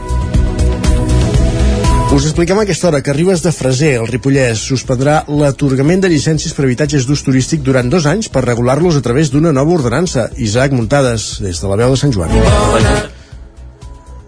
I amb si podem escoltar Isaac Muntades amb nitidesa amb aquesta crònica des de Ribes de Freser amb aquesta suspensió de les llicències de pisos d'ús turístic durant dos anys Isaac Muntades L'Ajuntament de Ribes de Freser va aprovar per unanimitat una proposta d'acord per a la suspensió temporal d'atorgament de llicències i tramitació de comunicacions prèvies relacionades amb les activitats d'habitatge d'ús turístic. Els efectes de la suspensió s'allargaran un màxim de dos anys, que és el que permet la llei, i l'alcaldessa Mònica Sant Jaume de Junts per Ribes va explicar que han d'aprofitar el temps per crear una normativa i ordenança que reguli aquest tipus d'habitatge. Un cop hagin passat aquests dos anys, les llicències no es podrien tornar a suspendre fins al cap de tres anys més. Sant Jaume va incidir en que arran de la pandèmia s'ha produït un creixement important del nombre de sol·licitud de llicències d'ús turístic a Ribes. Actualment se n'han donat una vuitantena i encara n'hi ha dependents per ser resoltes. L'Ajuntament va rebre una subvenció del Servei d'Habitatge de la Diputació de Girona el mes de gener que servirà per fer un estudi del parc d'habitatge municipal. Això permetrà saber quants habitatges estan buits, quants són de lloguer i de propietat. D'aquesta manera es podrà posar un límit d'aquest tipus d'habitatges amb una ordenança que expliqui per què no n'hi ha d'haver més a partir d'un cert punt. Sant Jaume posava d'exemple el que es fa a la Cerdanya. Hi ha molts ajuntaments, sobretot els de la Cerdanya, que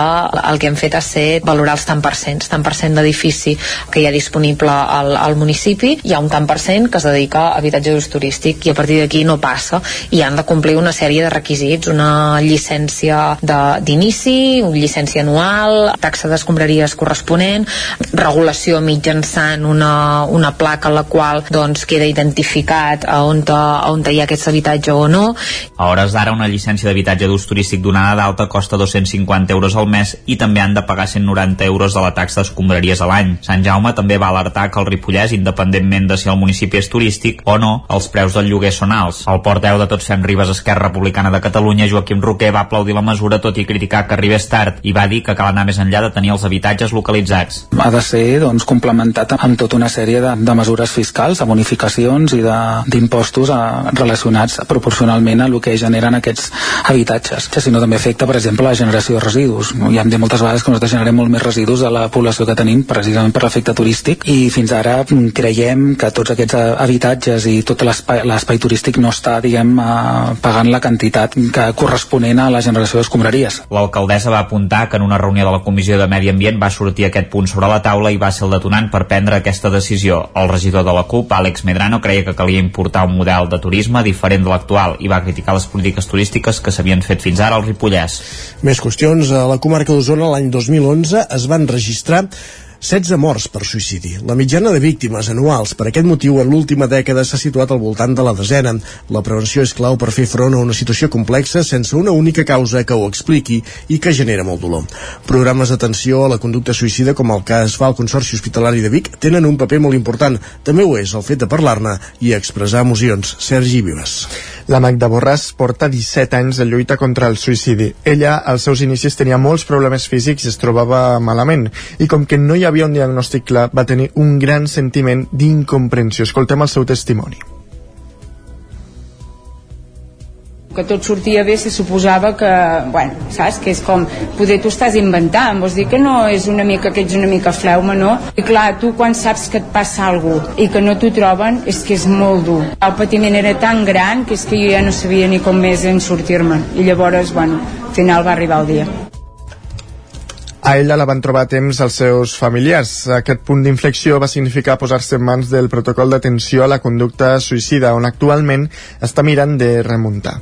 Tot això ho explicava aquest dijous Borràs, just abans d'entrar a l'auditori de l'Hospital Universitari de Vic, on davant d'un públic ple de gent jove i futurs psicòlegs i infermers va verbalitzar tot el que havia viscut. En la taula rodona també l'acompanyava Pere Tremolosa, qui va explicar també la seva pròpia experiència, va destacar la importància de parlar sobre el suïcidi. Escoltem-lo. És molt important eh, ajudar la gent i en persones que hem passat aquesta experiència, diguéssim, doncs intentar que la gent entengui que no ha d'arribar fins al suïcidi. Jo estic molt content, doncs ara, amb 8 anys que fa, doncs per mi són 8 anys de regal a la vida. I quan te n'has sortit, veus la vida d'una altra manera. La taula rodona la completava Sarai Valdivieso, psicòloga experta en suïcidis en institucions penitenciàries, i Pedro Luis, el responsable d'un dels mòduls de la presó de Quatre Camins. La Sarai va explicar com es pot preveure el suïcidi. La prevenció és molt àmplia, necessitem abarcar diferents uh, àmbits. La primària seria parlar del suïcidi obertament, generar coneixement i sensibilització a tots els interns i professionals i poder tenir clar on demanar ajuda si tenim alguna necessitat.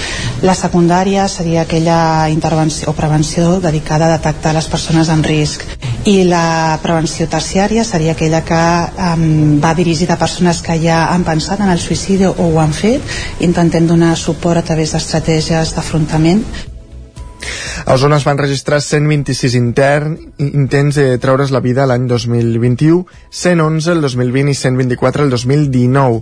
Tot i que reduir la conducta suïcida a xifres és una lectura freda, sí que pot servir per fer visible la importància de demanar ajuda i dels recursos assistencials i sanitaris per fer-hi front. I encara en l'àmbit sociosanitari, l'associació Mans que Cuiden, que vol promoure un nou model de cuidadores de gent gran, es va presentar la setmana passada a Vic. Té com a objectiu formar les professionals que exerceixen aquesta feina i alhora dotar-les de cobertura legal, ja que es tracta d'un sector molt precari i devaluat. L'entitat manté activa una crida a socis i patrocinadors. Ser altaveu de les cuidadores. Aquest és l'objectiu de Mans que Cuiden, l'associació que la setmana passada es va presentar a Vic. Va ser en un acte que va tenir lloc al centre cívic Can Pau Raba i que va conduir la seva presidenta, la cantellenca Isabel Falla, acompanyada de tot l'equip de persones que formen l'entitat. Les dificultats del col·lectiu a l'hora d'aconseguir contractes dignes a, o d'acord amb l'horari laboral va motivar l'estiu del 2021 a Falla a impulsar un moviment que d'entrada posava el crit d'alerta respecte a la des desatenció que des de fa anys ha hagut, han hagut de fer uh, front les cuidadores. Així naixia un projecte que ara ha professionalitzat i que en els propers mesos ha d'emprendre el vol per donar resposta a totes les persones que, com ella, presten els seus serveis atenent a persones d'edat avançada, dependents, amb diversitat funcional o amb alguna malaltia. L'objectiu és formar i donar assessorament legal a les persones del sector que, per manca de formació acadèmica, han de suportar sous indignes, jornades inacabables, maltractaments i coaccions. Això ho explica la mateixa presidenta Isabel Falla. Com a cuidadora que sóc, hi ha un gran buit i una gran despreocupació per la figura de la cuidadora. I el que Mans que Cuida pretén, vol fer i té porta de cap és donar-li a la cuidadora el lloc que mereix al carrer, no és la xatxa, no és la criada, és un ser humà, fa una tasca professional meravellosa i si no és professional l'hem de professionalitzar i no podem continuar permetent el que està passant fins ara un projecte que s'ha de materialitzar en els propers mesos en la que ha de ser una escola per la formació i assessorament legal de cuidadores de la llar. L'entitat espera obrir-la al llarg del 2023, abans però caldrà reunir les aportacions econòmiques que facin viable el projecte, un objectiu que segons la presidenta que de, de mans que cuiden no tardaran a assolir. La meva adreça és a trobar dues persones que diguessin d'alguna manera siguin sponsors, siguin patrocinadors, siguin aportacions, puguin ajudar a financiar la part mínima que queda de, diguéssim, de, de posar en marxa l'escola. Però aconseguirem, eh? eh? Vull dir, les passes que estic donant i el que, està, el que estem fent, gràcies a l'equip tan meravellós que tenim, ho aconseguirem. Us puc assegurar que es aconseguirà. A banda de la part formativa, l'Escola de Cuidadores també disposarà d'un grup de treball que assessorarà les cuidadores de la llar en matèria d'inserció laboral, dret d'estratègia i escolarització. Més qüestions coincidint amb l'època de més visitants. Aquesta tardor el Parc Natural del Montseny ha preparat diverses mesures per garantir una bona convivència en els diferents espais on s'hi concentren el nombre més elevat de vehicles i visitants i persones. Òscar Muñoz, Ràdio Televisió, Cardedeu. A partir d'aquest cap de setmana reforça el servei del bus parc que va cap al Montseny amb un increment de la freqüència de pas a la línia que va de Sant Celoni fins a Santa Fe del Montseny i també la línia de Sant Celoni fins a Fontmartina, que fins ara era només un servei de demanda, passa a ser una línia regular fins al 6 de novembre. Així mateix, de cara a evitar concentracions de vehicles a les zones de Santa Fe, Matagalls i Fontmartina, aquest cap de setmana es reforça el servei d'informació sobre l'estat dels aparcaments en aquests punts amb informadors situats en punts d'accés per evitar situacions de col·lapse i garantir que els aparcaments es fan només en els espais habilitats. El Parc Natural del Montseny demana a totes les persones que aquesta tardor accedeixin al parc una visita responsable i evitar problemes de circulació i molèsties als veïns de l'espai natural. Així el parc vetllarà per evitar els aparcaments indeguts amb notificacions per part de les guardes forestals que poden derivar en sancions. També es demanarà als visitants que consultin en els diferents punts d'informació que hi ha a l'entrada del parc a Fogars de Montclús, al Brull i a Sant Esteve de Palautordera les diferents possibilitats alternatives que tenen per accedir al parc en transport públic. Actualment hi ha cinc línies de bus parc en servei com les que van de l'estació de tren de Sant Celoni fins a Santa Fe i Fontmartina, la de l'estació de tren de Palau Tordera fins al poble del Montseny i la de Vic, Balanyà, Collformic i Vic, Balanyà, Viladrau, també accessibles amb rodalies. Perfecte, gràcies, Òscar. I un apunt polític. L'exregidor d'iniciativa Miquel Sánchez serà el cap de llista d'en Comú Podem a Manlleu, a les eleccions municipals del proper mes de maig, Sergi. L'Assemblea local ha ratificat el seu nom per unanimitat en una assemblea que també va servir per fixar a les bases del programa i per començar un procés a, par a partir del qual es vol recollir les preocupacions de les entitats i la ciutadania de Manlleu. Sánchez, un històric de la lluita sindical i pels drets de les persones i que havia estat eh, secretari general de Comissions Obreres a Osona, va ser regidor eh, de Manlleu entre 2015 i 2019. Ara fa 4 anys, en Maria Emília Núñez, al capdavant en Comú Podem, va obtenir només un 3% dels vots i va perdre la representació al consistori. L'objectiu, doncs, en els nous comicis és recuperar-la. I un últim apunt, anem cap a Caldes de Montbui, al Vallès Oriental, perquè l'Ajuntament d'aquesta localitat aprova una moció de la mà del grup socialista per reconèixer la trajectòria del fotògraf calderí Ramon Massats, que era el campàs Ona Codinenca. L'Ajuntament de Caldes de Montbui ha iniciat un procediment administratiu per reconèixer els mèrits de la carrera de Ramon Masats. El fotògraf ha estat reconegut internacionalment i, de fet, va estar a punt d'entrar a la revista Magnum. Carla Millan, del PSC, el partit que ha impulsat aquesta moció, explicava que fins ara la vila no li havia fet l'homenatge que mereix. Uh, nosaltres, en el cas, bueno, va haver-hi un moment en el qual ens vam donar compte de que realment uh, Ramon Massats, que és una persona que sempre ha reivindicat els seus orígens orígens calderins però que consideràvem que la nostra vila encara no li havia fet l'homenatge que mereix. Eh, és una persona que ja té 92 anys i que segueix eh, rodant les seves fotografies. Com hem comentat va estar a punt d'entrar dins el col·lectiu Magnum.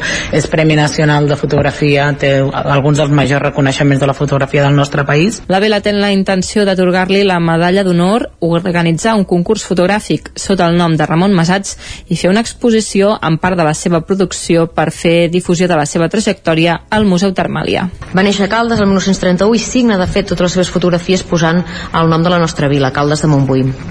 De fet, també, um, com ara llegia els acords la senyora secretària, uh, parlava d'una um, exposició.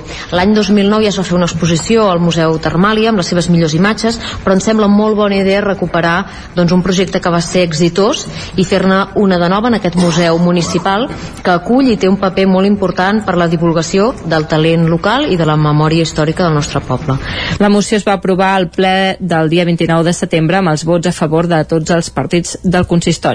Després d'aquesta aprovació es comunicarà a la família la decisió i així Caldes podrà reconèixer Ramon Masats com un dels principals artistes locals de la població i es farà difusió de la seva trajectòria. Gràcies, Caral. Anem pel temps.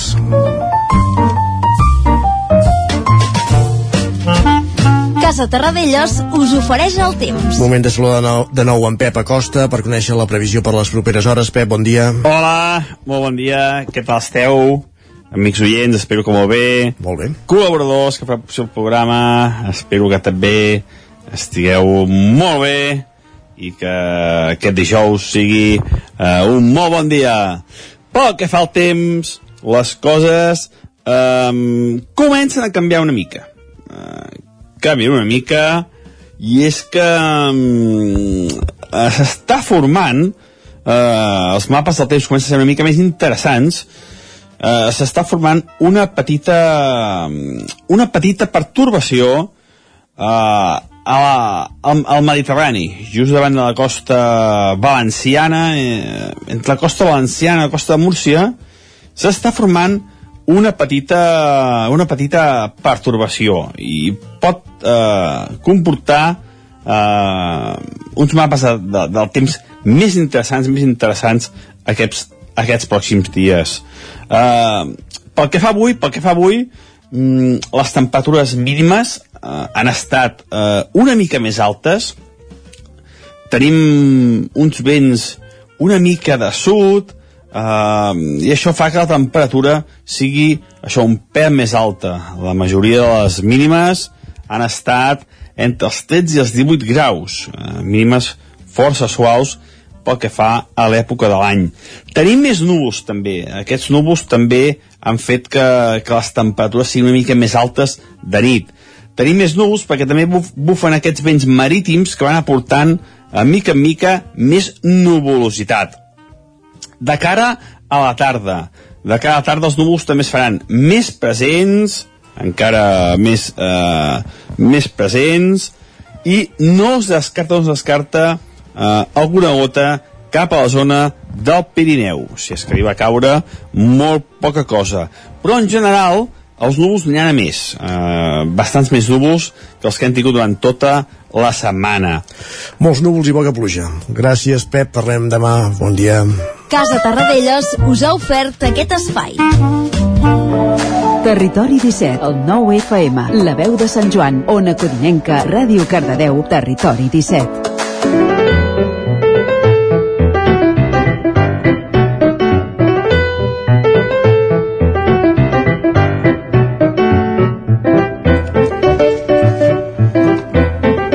Dos minuts que passen d'un quart d'onze, moment de parlar de cuina, de gastronomia, de menjar a la foc lent. Avui anem de...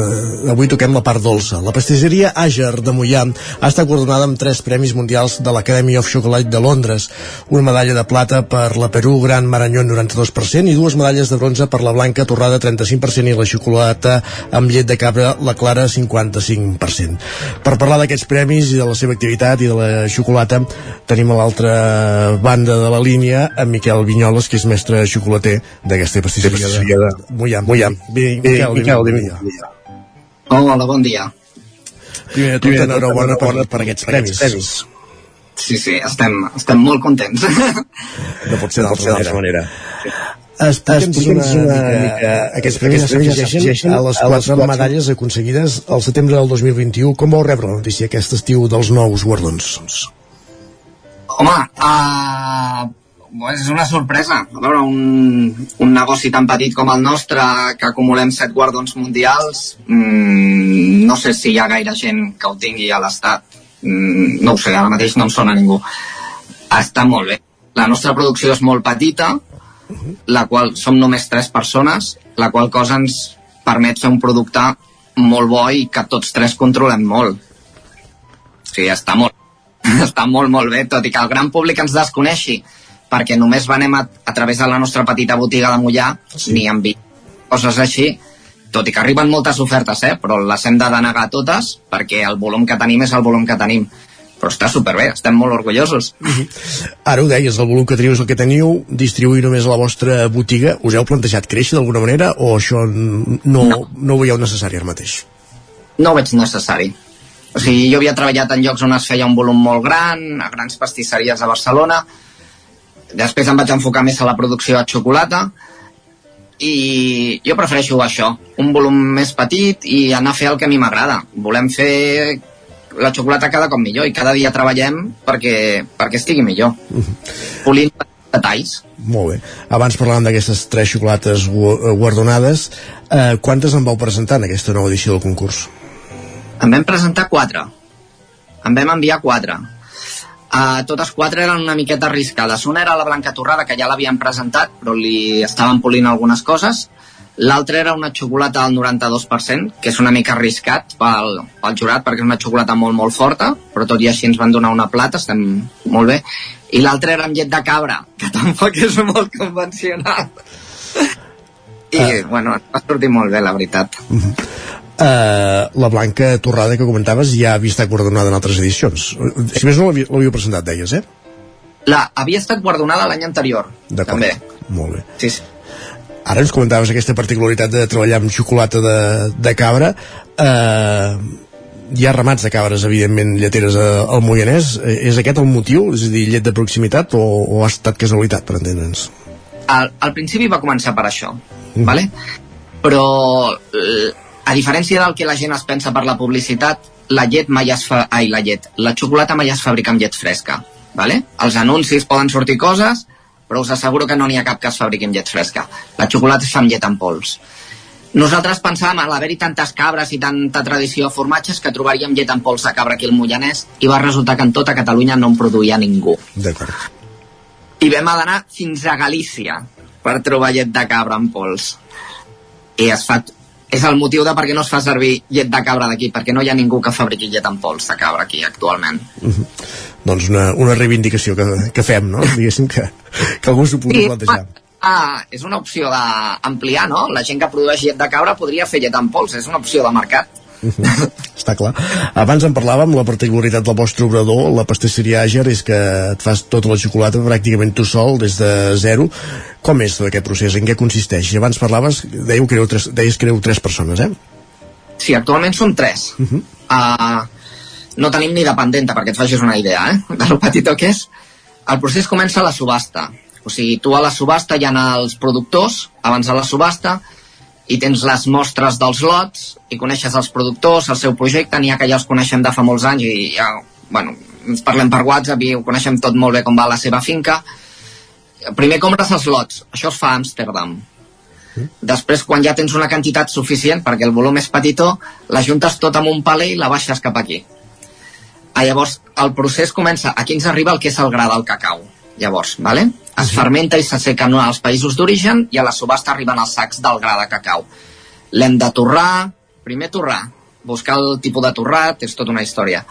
Després s'ha de trencar, treure la pallofa, moldre durant 3 dies, depenent del tipus de cacau, afegir el sucre, alguns s'ha de madurar i finalment amotllar i fer... Fer xocolata és fàcil, jo sempre ho dic, fer un xocolata és una cosa molt fàcil fer-la que sigui bona és una cosa complicadíssima. No n'hi ha prou amb el producte, eh? Entenc que hi ha, hi ha molts factors a tenir en compte, no? Sí, sí, perquè, a veure, els mateixos lots que compro jo els pot comprar molta gent. O sigui, nosaltres, precisament, al ser una producció relativament... Els lots més exclusius del món, nosaltres no hi tenim accés. Val? Uh -huh. Vull dir, hi ha grans restaurants de conegut nom que podran accedir a aquests lots, però jo no puc accedir-hi a part que estan a un preu desorbitat. Nosaltres comprem finques que ens agraden moltíssim, que potser no són tan famoses, i que creiem que és gent que treballa molt bé i que ens dona confiança al seu cacau al llarg dels anys. I llavors aquí hi ha la, la mà de, del xocolater. Eh, el secret, eh, deies, fer, fer bona xocolata no és fàcil, eh, el secret tampoc ens el diràs, no, suposo? El secret, no, no hi ha molt secret, eh? Tothom qui fa xocolata són molts passos, han d'estar molt polits. Pensa que quan fem una xocolata, primer agafem 3 quilos de cada cacau i primer el torrem a 90, 95, a 100, a 105. Anem fent tot un escalat de moltes temperatures. I fem potser 15 lots molt petitons, amb unes màquines molt petites, per decidir quin torrat ens agrada més. Fins que no ho tenim tot molt decidit, no fem la recepta ja més gran de, de 20 o de 40 quilos. Uh -huh. O sigui, és, és ser minuciós. Bueno, has de perdre el temps a buscar cada cacau quines característiques de processat l'afavoreixen més. Uh, quina producció feu anual en volum de, de quilos de xocolata per entendre's? Això ho teniu calculat? No ho he calculat mai. A veure, et dic que potser anualment no crec que arribem a comprar 800 quilos l'any. Uh -huh. I això llavors, un cop elaborat, això és tot, és tot en producte, és matemàtic o es perd pes, diguéssim, per entendre? Es perd. Es perd, eh? Es perd, eh? Perquè pensa que quan el torre es perd la petita humitat que tingui, uh -huh. durant el procés hi ha potser un 5% de merma i la pallofa, que tires, la pallofa al pelar el gra de cacau representa un 10% del pes. Però després també hi ha xocolates que portaran sucre. Vull dir, més o menys. Uh -huh. A l'hora d'innovar i crear un nou tipus de rajola, perquè no sé ara quantes en teniu, en teniu en estoc, però amb, amb què t'inspires, diguéssim, amb, com et planteges fer un, un producte nou, diguéssim? Uf, la, inspiració de vegades arriba amb coses que no, que no tenen molta lògica. Per exemple, ara vam anar de vacances a Egipte, va ser un viatge que ens va encantar, i, i el guia ens vam fer molt amics i ens va portar a una tenda d'espècies, val? I ens vam passar tota una tarda en una tenda d'espècies. Vam sortir d'aquella tenda que, que, vamos, mitja maleta plena d'espècies. I és probable que d'aquesta maleta acabi sortint alguna cosa dintre uns mesos. I ara això que et deia, quan, quantes varietats de, de producte teniu en estoc vosaltres ara mateix? A veure, de producte de rajoles, de tipus de xocolata, Sí, perquè fabrica isos, grajea, gelats i tot això.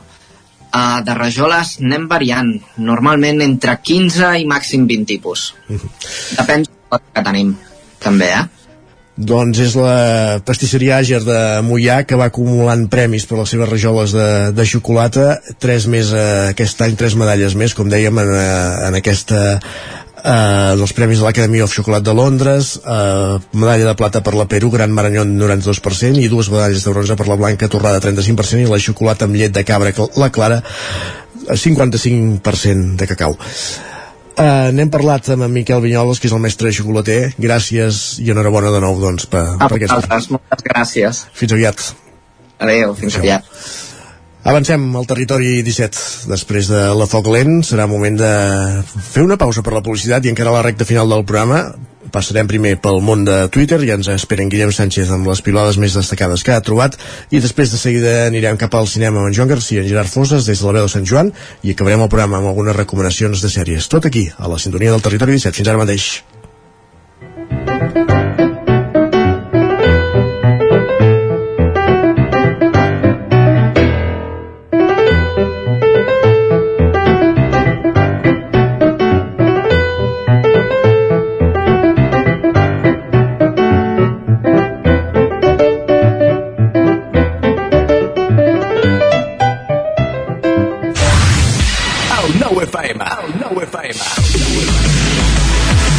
El diumenge 9 d'octubre tornen els bolets a ceba. 24a edició de la Festa del Bolet, una de les fires de referència pel sector boletaire a Catalunya. Hi trobaràs les tradicionals parades de productes relacionats amb els bolets, tastets i exposicions, activitats i actuacions i l'esperat concurs de bolets. Vine a la 24a Festa del Bolet de Ceba. Més informació a ceba.cat. A Rialtec som especialistes en instal·lacions fotovoltaiques, aerotèrmia, clima i instal·lacions integrals pel teu habitatge o la teva empresa. Demana el teu pressupost sense cap compromís. Rialtec. Ens trobaràs al carrer Narcís Monturiol 22 de Gurb i al telèfon 93 131 1796. A Deportec estem especialitzats en el tractament d'aigües residuals i el tractament de purins. Donem un servei integral en el tractament de l'aigua, oferint el disseny de la línia hidràulica, reparacions i manteniment, analítiques, formulació i subministrament de productes químics. Ara a Deportec et podem ajudar a obtenir un gran estalvi energètic en la deshidratació de fangs, oferint-te un sistema innovador, el Depordisc. Deportec, ens trobaràs al carrer de la Fusteria 22, al polígon de les Gaules, a Tona. A la Rosseria de Vic et portem sopar i espectacle. Dissabte vine a gaudir d'un menú especial mariner i de les habaneres del grup Xarxa. Navalles gallegues, bunyols de bacallà, rossejat de xipirons i escopinyes, tonyina fresca i molt més. Directament des de la llotja d'Arenys de Mar a la nostra cuina. Ho trobaràs per només 45 euros el 8 d'octubre al sopar i espectacle de la Rosseria de Vic. Fes la teva reserva per telèfon al 93 885 68 39. No t'ho perdis. Cobertes serveis funeraris. Els nostres tanatoris estan ubicats en els nuclis urbans més poblats de la comarca d'Osona per oferir un millor servei. Tanatori de Vic, Tanatori de Manlleu, Tanatori de Centelles i Tanatori de Roda de Ter. Sabem que són moments difícils i per això el nostre compromís és atendre-us en tot moment amb un tracte humà, sensible i respectuós. Cobertes serveis funeraris. Telèfon 24 hores 93 883 23 46. Amb Pradell estalvio energia i cuido la meva butxaca i el medi ambient. Posa't en mans a Pradell, són experts en calderes de gas i condensació, estufes de pèl·let, energia solar, terres radiants i geotèrmia. Pradell instal·la calderes de biomassa per a particulars i per a empreses. Si vols estalviar un 50% en consum, contacta amb Pradell i passa't a les energies renovables. Pradell som a l'Avinguda Països Catalans 27 de Vic. Telèfon 93 885 1197. Pradell.cat.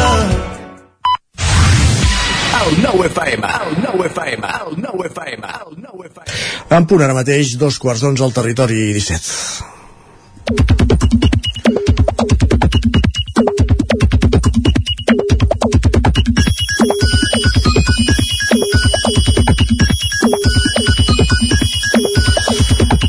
I aquesta hora al territori 17 sempre és moment d'endinsar-nos al món de Twitter. Som a l'Hora Sánchez, per tant vol dir que saludem en Guillem Sánchez. Bon dia. Bon dia, bon dia Isaac, què tal, com estem? Bé, i tu? Molt bé, molt bé també. No sé si últimament estàs mirant alguna sèrie, has vist alguna pel·lícula, allò, alguna cosa que ens vulguis recomanar? Pum, pum, pum. No, però ara em fas pensar que tenim un concurs obert per Instagram per qui vulgui eh, codis d'accés al filming del Terra Gollut Festival de Ribes de Freser eh, que entri a l'Instagram del Territori 17 i l'últim post que, que hem publicat allà trobarà les instruccions Doncs mira, dit, dit això Doncs mira, en Joan ens proposa una alternativa si no volem també veure i gaudir del Festival Terra Gollut, doncs una alternativa que potser a mi no se m'havia acudit. Diu, alguns mireu Netflix, jo em distrec mirant la previsió del temps del 324 en, arane en aranès. Quina meravella. No l'he mirat mai, per tant no sé si és tan bona com alguna de les sèries o de les pel·lícules que es poden trobar en aquesta pla plataforma. a mi m'agraden les sèries curtes, eh? però tant com una previsió del temps què vols que et digui Va, estic completament d'acord amb la reflexió que ens fa el següent usuari. Ens diu una relació ha de ser un 50-50. Un posa la pel·lícula i l'altre s'adorm. I a vegades... que els... podria parlar de relacions que són tots dos que s'adormen Va, vinga, hi ara un gran dilema que podria tenir diferents respostes. Atent, eh, Isaac?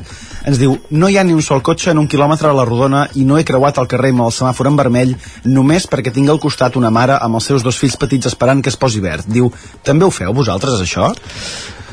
mm, bueno, ja... Bueno, l'Isaac diu... Ho procurem. Aquesta és la resposta de l'Isaac. Bueno, uh, la d'en Quim potser és una mica més apocalíptica. Ens diu, jo creu sense pensar-hi i després penso, merda, m'hauria d'haver esperat, ara aquests nens acabaran en la delinqüència i la marginalitat per culpa meva i aquesta pobra dona es morirà tota sola vivint de la beneficència. Bé, potser tampoc n'hi hauria per tant. Se'n recordaran d'aquell home que va traçar el pas de vianants aquell dia. Correcte, i un altre usuari ens diu no, al contrari, és una oportunitat perquè els progenitors ensenyin als infants que no està bé travessar en vermell. Si no se'ls ho facilita, es corre el perill que més endavant descobreixin sols que és possible travessar en vermell i les conseqüències poden ser catastròfiques. Per tant, millor que faci un altre i que no ho facin ells. Va, canviant de tema, a veure si podem ajudar en Marc. Isaac, eh, atent, eh? Ens diu Primer vaig perdre l'interès pel futbol, després per la política i finalment per l'actualitat en general. Crec que aviat no em reflectiré els miralls en una desaparició progressiva sense fer soroll. Ostres, quina, quina depressió, no? Amb un, amb un dijous d'octubre. Sí. No pot passar això. No pot passar. Jo entenc, eh, que desenganxis del futbol i la política de vegades, però vaja, puc arribar a entendre.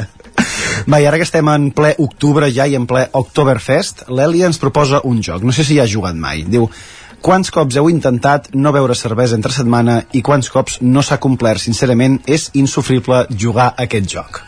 Alguna aportació, Isaac? Mm, diria que aquesta setmana encara no em porto cap, eh? Ni amb el futbol, tampoc. Ah, no, el futbol sí.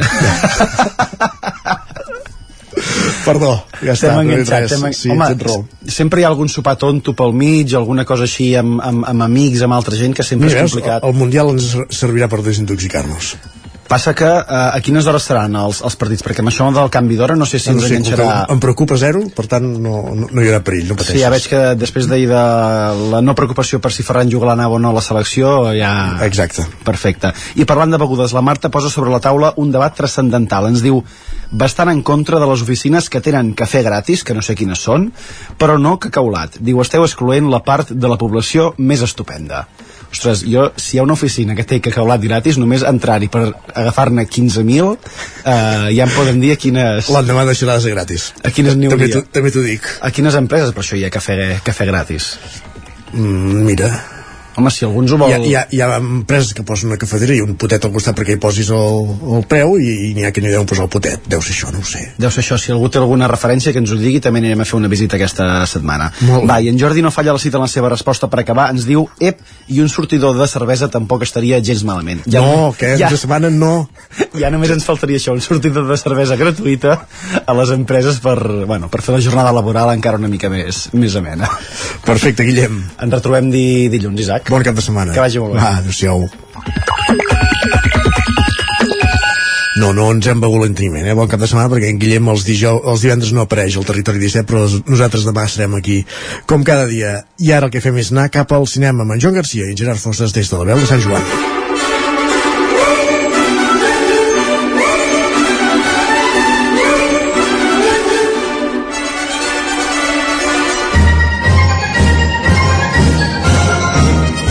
Una setmana més amb aquesta música és moment de donar la benvinguda amb en Gerard Fosses, el nostre col·laborador cinematogràfic, que ja no li queden ungles, perquè la setmana que ve hi ha Sitges i, i vaja, eh, en té tantes ganes que, vaja, no s'ha quedat sense, eh? Eh que sí, Gerard? Bueno, sí, no tant la setmana que ve, sinó ja aquesta setmana. Ja, ja, però vull dir que, eh, sí, sí, aquesta i la següent, no? Sí, sí, clar. Mm. Vull dir que, que ja comencem i de fet ja, ja en començarem a parlar i, i bé, de fet ja durant la setmana també farem un, un petit tastet de, de les pel·lícules que anem veient allà mm. De fet, divendres, si podem, farem secció, eh, al magazín, també sí. parlant de ja d'aquest inici. Sí, exacte, ja parlarem de l'arrencada, que ja t'avanço que em perdré la pel·lícula inaugural. O sigui que anem... Ah, caram. Bé, no sí, passa sí, res, no, no passa res. En tot cas, m'has demanat que anem molt ràpid amb les estrenes de la setmana perquè et volies aturar a Sitges, sí. per tant que tu mateix. Sí, mira, doncs, uh, comencem amb un director que va inaugurar Sitges ja fa uns quants anys amb la seva pel·lícula El Cuerpo i que des de llavors ha fet una trajectòria de cinema molt comercial però de pel·lícules molt exitoses tant a Espanya com internacionalment i és Oriol Palvo, que per cert va debutar dirigint capítols del Cor de la Ciutat. Ah, mira. La dada. Uh, la pel·lícula que, que ens presenta aquesta vegada és Los renglones torcidos de Dios. Pero la policía no quiere escucharme Voy a averiguar qué le pasa a su hijo.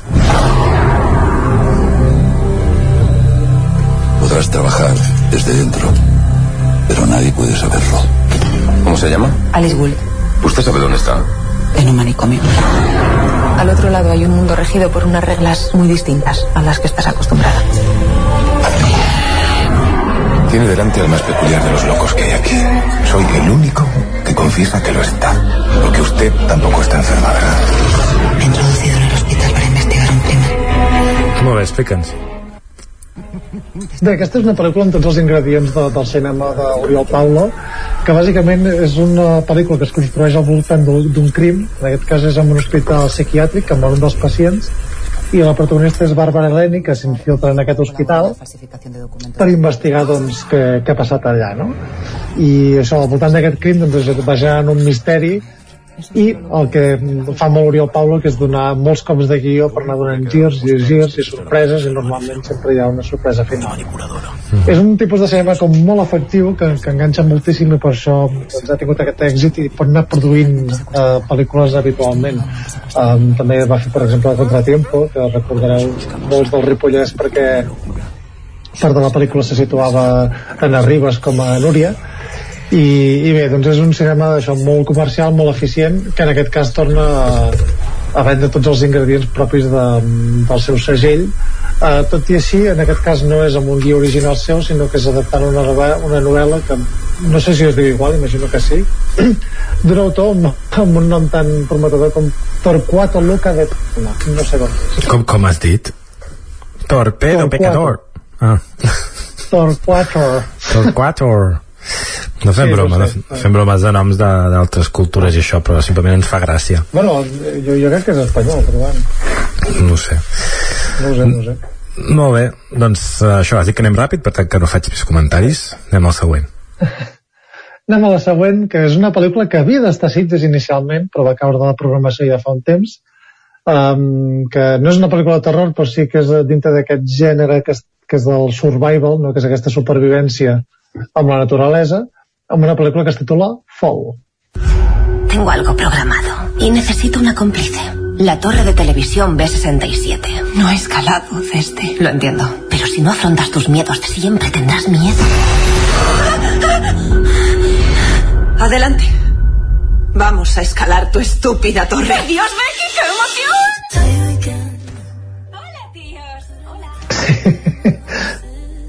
Bé, bé, està fent el, el doblatge i la premissa també, que és bàsicament dues noies que se'n van escalar una torre de ferro, que és una antiga antena de televisió, uh, per, bueno, doncs per gravar-ho a YouTube i penjar-ho i tal. Uh, I és aquesta cosa tan estúpida que òbviament es queden atrapades a dalt de tot i a través del seu enginy i del seu talent per l'escalada doncs uh, intentar escapar-se d'aquella situació. Uh, he de dir que la, la vaig poder veure fa poc i és una pel·lícula realment molt trepidant. O sigui, li falta, òbviament, tota una part de desenvolupament de personatges amb els traumes de cadascuna i els seus intríngulis, que, òbviament, em, és important l'empatia doncs, per enganxar-te amb una pel·lícula, però només per, per les escenes de tensió que hi ha, doncs crec que ja, ja val bastant la pena i funciona la mar de bé dintre d'aquest gènere que òbviament sempre doncs, hi ha pel·lícules que estan millor o pitjor no? o que moltes vegades es queden a mitges del qual que és molt prometedor però que al final és, acaba sent una pel·lícula massa llarga i avorrida en aquest cas funciona bastant bé també crec que és un pèl massa llarga però, però tot i així és d'aquestes que et manté clavat a la butaca Molt bé. Mm, Absteniu-vos si teniu vertigen perquè ho passareu molt malament. Gerard? mm? sí, sí, efectivament Ah. sí, sí. No, no, em va fer gràcia perquè el director este és el de quat- a 47 metres, que ara ho mirava i justament és el contrari, és sota l'aigua. Sí, és anar baixant sota l'aigua. Sí, de fet, és una molt bona pel·lícula de, de taulons, també. Doncs mira, de 47 metres cap avall a 600 cap amunt. Um, I ara deixem que et tiri la musiqueta. Per favor.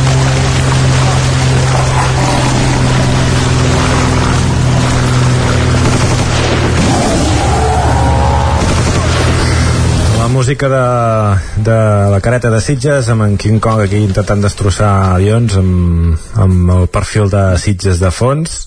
Entrem ja a la secció de, del festival d'aquest 2022 com dèiem en Gerard Tisserat i ens eh, portarà tota la informació de primera mà. Fer-nos un resum de, del que esperes aquests dies. Mira, el que espero primer de tot és una tornada plena a, a la normalitat. Uh, hem estat el- els dos últims anys estat edicions una mica pandèmiques, diguem, bueno, una va ser de fet en plena pandèmia, que, que va anar modificant la configuració del festival mentre es funcionava. L'any passat, diguem que a nivell de restriccions ja no, ja no n'hi havia tantes, però també estava molt marcat encara pel tema del Covid, mascareta, etc, no? com, com tot el planeta. Però en aquest cas ja tornem a la normalitat. Uh, això ho marca gai- gairebé una, un event molt típic del festival, que és la Zombie Walk, que portava dos anys sense fer-se, i aquest any torna. Però també ho marca sobretot la venda d'entrades, que, que em sembla que han vengut, bueno, no, ara no sé exactament el rècord, però han fet com rècord d'entrades en, en els primers dies de venda, perquè han tingut molts més abonats que altres anys, i això és un indicatiu de que el públic doncs, està eh, tornant al festival ja en massa, no? tot i que l'any passat va, ser, va tenir una molt bona assistència i crec que aquest any serà bastant superior. mm -hmm. la Zombie Walk això eh eh, té- tindria gràcia haver-la fet eh, aquests últims aquests sí. últims anys i mira, aquells 10 d'allà tenen Covid no? i la gent fugint Exacte. És que, de fet, crec que era quan tenia més sentit fer la Zombie Walk. Exacte, bé. Cadascú amb els seus eh, temors. Sí, sí. Um, dius això, eh? Què- què s'inaugura? Què és el que et perdràs ja? Que ja saps que et Mira, el que em perdré d'entrada és eh, la pel·lícula de Jaume Balagueró, que, que ja ha inaugurat Sitges més d'una vegada, i en aquest cas ve en Venus, que és una pel·lícula de, de fantasmes, cases encantades, monstres, no ho sé exactament, eh, protagonitzada per Esther Expósito, i que es veu que està a la mar de bé. Va debutar al festival a Toronto, allà a Canadà, i amb molt bones crítiques. El que passa que jo me la perdré perquè la sessió que hi ha per premsa se solapa amb, amb un clàssic que jo tinc ganes d'anar a veure, m'agrada molt anar a escarbar una mica amb, amb aquests eh, clàssics que, que, que restauren i que després costen molt de trobar. I em perdré aquesta pel·lícula inaugural ja que no he pogut trobar entrada per una altra sessió. Però bé, és, és bastant prometedora i és com una inauguració bastant potent i a més a més recuperant uh, les inauguracions en produccions espanyoles que, que això també està bé últimament s'havien obert molt al, al marc internacional però sí que està bé que un festival que al final té una vocació molt, molt local doncs està bé que potenciïn el, el cinema espanyol. El que passa que, clar, òbviament Jaume Balagueró doncs, és un nom molt important i, i evidentment que, que destaca dintre de, de la programació. Però tot i així tenim moltes més coses. Uh, últimament s'han anat conf confirmant uh, els convidats, per exemple. Mm, ja ens en vas dir alguns, que... però com va dir, sí. però n'hi ha hagut d'altres, eh? Exacte, Eva Green, que, que per cert, una curiositat, uh, li anaven a donar un premi, perquè aquest premi de Maria Honorífica, que el donen a, a tothom, bàsicament, o sigui, tu passes per allà i et cau una Maria Honorífica al cap, però Eva Green ha decidit que no, no volia premi, i a més a més tampoc farà roda de premsa, per tant no, no tindrem ocasió de preguntar-li res tampoc, o sigui, se l'haurem de veure el fotocol i prou. Uh -huh. Però sí que ve, per exemple, Quentin Dupier, que ja s'ha convertit en un, en un habitual del festival, eh, aquest any hi presenta dues pel·lícules, encara no havia vingut mai, que jo recordi, i, i bé, aquest any sí que tindrà presència. Vindrà Edgar Wright, que és un convidat que a mi em fa especial il·lusió, perquè crec que és el millor director de comèdia que, que hi ha ara mateix, ell és responsable d'aquesta trilogia del Corneto, que es diu que, és, que són Zombies Party, Arma Fatal i Bienvenidos al fin del mundo. I, entre altres eh, produccions, òbviament, l'any passat va presentar Sitges en Última noche en el Soho, tot i que ell no va poder venir. I diguem que aquest any, doncs, salda el seu deute per, eh, amb el Festival de Sitges, al qual ja feia anys que, que tenia ganes de, de trepitjar, no? I sí que en el terreny de les velles glòries eh, sí que tenim a Dario Argento, que també presenta pel·lícula, eh, un històric de, del giallo italià, i Colin Arthur, que va ser l'última confirmació i és un especialista en, en efectes especials. Entre moltes d'altres produccions ha treballat amb, amb Kubrick, amb pel·lícules com El Resplendor o 2001, o sigui que és una, una gran icona de, del cinema fantàstic i que tenim molt contents de que ens vingui a visitar Catalunya. Molt bé, no sé si, si vols parlar d'alguna pel·lícula ja per començar, d'alguna cosa, de coses que veuràs. Sí, mira, destacarem algunes, tot i que és un any d'aquests que vas una mica a l'aventura, eh, perquè no hi ha grans, grans títols. sí, sí que, per exemple, tenim la, la primícia de Halloween Ends, que és que tanca aquesta nova trilogia de Halloween amb Michael Myers i Jamie Lee Curtis, però aquesta pel·lícula s'havia de projectar en diverses sessions, al final només se'n fa una no sé si el mateix dia o el dia abans de l'estrena, una cosa molt, molt estranya que ha fet aquí la distribuïdora. Però bé, tenim altres títols molt interessants, com per exemple Pearl, de, de Tai West. Aquest any vam parlar d'una pel·lícula que es titulava X, una pel·lícula de terror realment sensacional.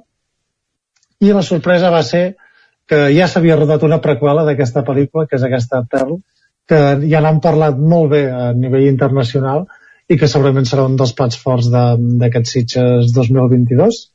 Uh, eh, també tenim Fox Gourmet, que és d'un altre habitual, de Peter Strickland. És, és dels pocs cineastes que, que aposta obertament avui en dia per, per un cinema completament surrealista. Hi ha pel·lícules anteriors que també han passat per Sitges com Berberian Sound Studio, el Duke of Burgundy, uh, In Fabric, etc i en aquest cas torna això el Flux Gourmet que uh, si la seva anterior pel·lícula és sobre el món de la costura ara entra en el món de, de la gastronomia amb la seva ironia també i aquesta manera de barrejar realitats i horrors d'una manera molt intuïtiva però també molt interessant. També tenim la nova pel·lícula de Carlos Bermud un dels directors espanyols més prometedors com a mínim així ho ha, ho ha confirmat amb les seves tres pel·lícules que torna amb Mantícora Uh, un documental que a mi m'interessa molt, però per hi ha una filia personal, que és Lynch Oz, que és un documental que parla sobre la influència de, del Mago de Oz, de, de la pel·lícula, però també de, de la història en general. Uh, en el cinema de David Lynch. Um, David Lynch, com sabeu, és un cineasta molt, que sempre s'ha atillat molt, de, molt enigmàtic, de que el seu cinema no s'entén, i, i de fet el, el Mago de Oz és una de les claus per entendre el cinema de Lynch no? i m'interessa molt aquest documental per veure com, com relaciona els conceptes i com, com relaciona aquestes dues narratives i finalment destacar una altra pel·lícula d'animació espanyola que és Unicorn Wars eh, responsable de bueno, perdó, dirigida pels responsables de, de Psiconautes, una pel·lícula que ja és del 2015 que realment és extraordinària i és un, una pel·lícula molt violenta d'animació però que és una guerra entre entre ossets de peluix i unicorns. O sigui, és un món de fantasia tacat de sang, així com, com molt sanguinari i molt prometedor. Ah, que no és infantil, eh, doncs? No, no, no, que ningú s'equivoqui per veure fotografia. Mm -hmm. és, de, és de sang i fetge, però bueno, amb animació que sempre queda també. Molt bé. Vale, doncs si fer un repàs ja a la cartellera. Sí, anem per la cartellera. Uh, si vols, uh, ves dictant tu per on comencem? Sí, primer de tot potser per no oblidar-nos-en que, que continua el Festival Terra Gullut. Ah, uh, aquest cap de setmana, el dissabte a la tarda, hi han diverses uh, projeccions de, dels blocs de curtmetratges que van a, a competició al Teatre Casino de, de Planoles també hi haurà presentació Cinefòrum i el diumenge hi ha alguna activitat així una visita guiada per la gent doncs, que, que s'acosti especialment per al, per al festival i uh, la projecció de El vent que es mou. Um, això serà a la sala diagonal de, de Can de Bànol. Dir que a competició aquest any hi ha una peça, un llargmetratge que és l'hora dels infants, colònies i escoles a l'aire lliure, la revolta educativa a Catalunya que l'ha fet un Sant Joaní l'Eduard Miguel i que doncs, està, està a competició documental que també es pot veure diria que TV3 perquè, perquè es va estrenar allà. Molt bé, uh, cartellera a Ripoll, al cinema Comtal Modelo 77 i Un héroe samurai, la leyenda de Hank. Sí, el, un héroe samurai a cinema infantil, el qual ja dic que és un món que, que desconec bastant, però Modelo 77 sí que ja en vam parlar a la seva estrena, pel·lícula d'Alberto Rodríguez, que és sobre una fuga que va haver-hi al model l'any 77 el cinema Casal Camprodoní encara doncs anem tard, hem de dir que ens, que ens avisin ja hi farem, ja escriurem sí. perquè van sí, sí, mica tard hem d'avisar perquè ens estem adormint aquí eh? al cinema Catalunya de Ribes hi ha Toc Toc Toc Toc, eh, sí, és una, una comèdia eh, justament sobre gent que té el trastorn obsessiu compulsiu que jo crec que és, és com bastant desagradable en general i a més a més tractar-ho des de la comèdia lleugera. Uh, però bé, és aquesta aposta per, per la comèdia generalista per a tots els públics uh, que bueno, si omple el cinema de Ribes doncs mica cap allà a l'Esbarjo de Cardedeu Lunana, un llac en l'escola Sí, aquesta ja en vam parlar, que també la van passar a Camprodon i no sé quin altre cinema, ara tinc el dubte, però és una pel·lícula de, de fa un parell d'anys que està corrent bastant, que és aquesta pel·lícula produïda a Bhutan, aquest país tan petit de, del sud-est asiàtic, i això i és un, un professor que arriba en un poble rural de d'allà votant, de l'Alunana, i, i bé, doncs com intenta educar uns, uns joves que, per un món del qual no formen part. Uh, L'Alter de Torelló, Custòdia Compartida. Sí, aquesta pel·lícula és, és magnífica, realment, és d'aquestes que, eh, que t'encongeixen al cor. És bàsicament un, un judici eh, arran d'un divorci de, on, on es disputa la custòdia entre la mare i el pare i és bàsicament una pel·lícula sobre el maltractament i com afecta això tant físicament com psicològicament eh, realment la recomano moltíssim i per últim el Cineclub de Vic què veiem quan mirem cap al cel? Sí, aquesta pel·lícula també és una mica exòtica perquè a Geòrgia no solen fer molt cinema o com a mínim no ens arriba però aquesta pel·lícula ha corregut bastant per, per festivals els últims anys també va estar a Berlín o al Mar de Plata o al Festival de Sevilla aquí a Espanya um, i és bàsicament una parella que, que es va, bueno, un home i una dona que es van creuant i van coincidint i al final decideixen quedar no? i al final quan es troben doncs ha passat alguna cosa que els ha canviat el, els trets físics i no es poden reconèixer mm -hmm. interessant és, a dir, és una pel·lícula així bastant marciana que, que bé, és com un conte per nens que bueno, parla això sobre, sobre la llibertat de cadascú, sobre la innocència, la imaginació, eh, molt interessant realment. Mm -hmm. Uh, dic que aquesta setmana també s'ha presentat el Festival Protesta, Festival Internacional de Cinema de Crítica Social, que es farà del 14 al 22 temps hi haurà de parlar i segurament també hi haurà entrevista de, dels companys de, de Territori 17 uh, i per últim també dir que la setmana passada ens va començar també uh, sense deixar el Cineclub de Vic el Cineclub Xic ja programen uh, pel·lícules infantils de l'octubre al gener. Vam fer-ho la primera va ser uh, uh, o potser ja, uh, ja. Calamity. Calamity i... No, no Calamity, Calamity és el 16 d'octubre. La que van començar és ah, vale, història d'una gavina i del gat que havia que, que li va ensenyar a volar. Hi ha, hi ha de tot hi ha mm. coses uh, molt interessants i de fet una de les pel·lícules que vull anar a veure amb, la, amb les criatures és uh, Solo en casa. La, però no la que van fer el remake l'original amb la Macaulay Culkin Molt bé, doncs ja ho, ja ho tenim, Gerard, moltíssimes gràcies. Moltes gràcies i anem parlant ja des del festival. Clar, i tant. Doncs a veure si divendres podem fer la connexió. Molt bé. Vinga, Vinga, fins, fins que vagi bé. setmana, ja, si no, no ens acomiadem. Sí, dic que clar, aquesta secció també es passa dintre del magazín de la veu, per tant que la gent del territori 17 això del divendres no, us haureu d'esperar la setmana, a la setmana següent per saber com ha anat Sitges. Moltes gràcies, Gerard, ara sí. Adéu-siau. Adéu-siau. Adéu-siau també, Joan, i esperarem, esperarem eh, dijous que ve per parlar de, de Sitges aquí al Territori 17. Em quedo amb això que deia Gerard. Molt bona la pel·lícula que fan avui a Torelló al Casal, Custòdia Compartida. Ell l'ha recomanat, per tant, si ell, ho, ho diu ell, és paraula de, de cinesta. Territori 17, el 9 FM, la veu de Sant Joan, Ona Codinenca, Ràdio Cardedeu, Territori 17. Vaja, que jo hi aniria, si ho diu en Gerard Foses. Isaac Muntades, bon dia de nou. Espera que t'obro el micro, eh? Ara Bon sí, dia. bon dia. Bon dia. Uh, rec de final del programa per parlar de, de sèries i diu que n'has vist una, no? De nova. Sí, n'he vist, vist una, bueno, de fet la vaig acabar ahir, són, són 10 capítols que he estat veient des de la setmana passada fins ara, de, de Dahmer, que és una sèrie de, de Netflix, que de fet es diu Dahmer, monstro, la història de Jeffrey Dahmer, i, i que bàsicament doncs, és una sèrie bueno, que s'ha de tenir una mica d'estómac per, per veure-la perquè hi ha alguns moments una mica gore I perquè parla de la perquè és un pèl lenta pel meu gust, però vaja. Sí, estic al tercer vaja. capítol, estic al tercer capítol, avanço, que val la pena? Sí, sí, jo penso que val la pena estar, està bé perquè és una sèrie que, que bé, com ja si, si ja l'has vist una mica doncs narra la història de- d'aquest assassí en sèrie en Jeffrey Dahmer que se'l coneix una mica com el, el carnisser de, de, de Milwaukee que durant la dècada de, dels 80, finals dels 80 també en algun assassinat dels 70 doncs va matar eh, em sembla que són 17 eh, homes.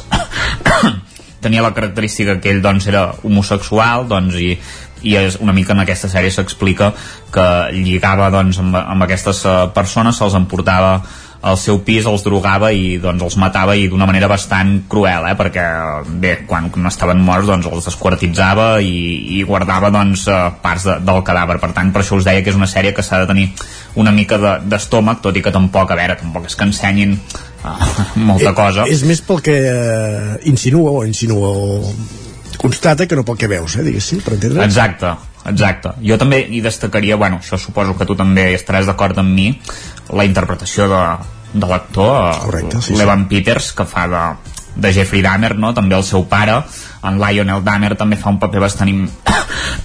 perdoneu, bastant important. Uh, després hi ha diverses doncs, uh, persones que també intervenen a la sèrie com per exemple la Glenda Cleveland que és la veïna no? que també una mica es parla d'això eh? de que la, la sèrie diguéssim no, no el van atrapar abans en aquest assassí doncs perquè no, no feien cas doncs, als veïns que ja es queixaven que hi havia males olors Per doncs, en el pis de... Per desídia Exacte. policial, una mica. Exacte, i de fet una... Sí, sí. I l'acaben enxampant perquè un, una de les víctimes acaba, aconsegueix fugir, de fet, no? Que de fet Exacte, no, no estic exacte. fent cap spoiler, eh, perquè això us passa al primer Sí, sí, no, no, és, és el primer capítol. que... És el primer capítol i de fet és eh, a partir d'aquí on l'enxampen perquè una de les víctimes aconsegueix fugir però n'hi ha moltes que no tenen la, la mateixa sort per exemple un noi de, de 14 anys que també és una mica doncs, uh -huh. una, una de, la, de les trames principals i bé, jo penso que, que està bé de veure no per uh, adular doncs, la figura d'en Jeffrey Dahmer perquè en algun moment fins i tot a la sèrie sembla que pugui semblar això però, però bé, molt recomanable Uh -huh. molt recomanable i ràpida de veure És això, una temporada de 10 capítols. Gràcies, Isaac. Ho, acabem, ho deixem aquí amb aquesta recomanació. Dahmer a Netflix. Fins demà. A vosaltres, adeu, fins demà.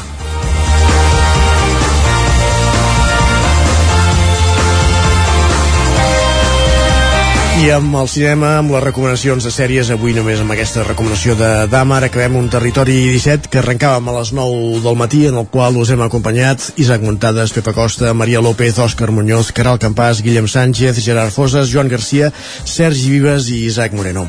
I tornarem demà divendres a partir de les 9 del matí. Fins aleshores, que vagi molt bé aquest dijous i gràcies per ser-hi. Adéu-siau. Territori 17, un magazín del nou FM. La veu de Sant Joan, Ona Codinenca i Ràdio Cardedeu amb el suport de la xarxa.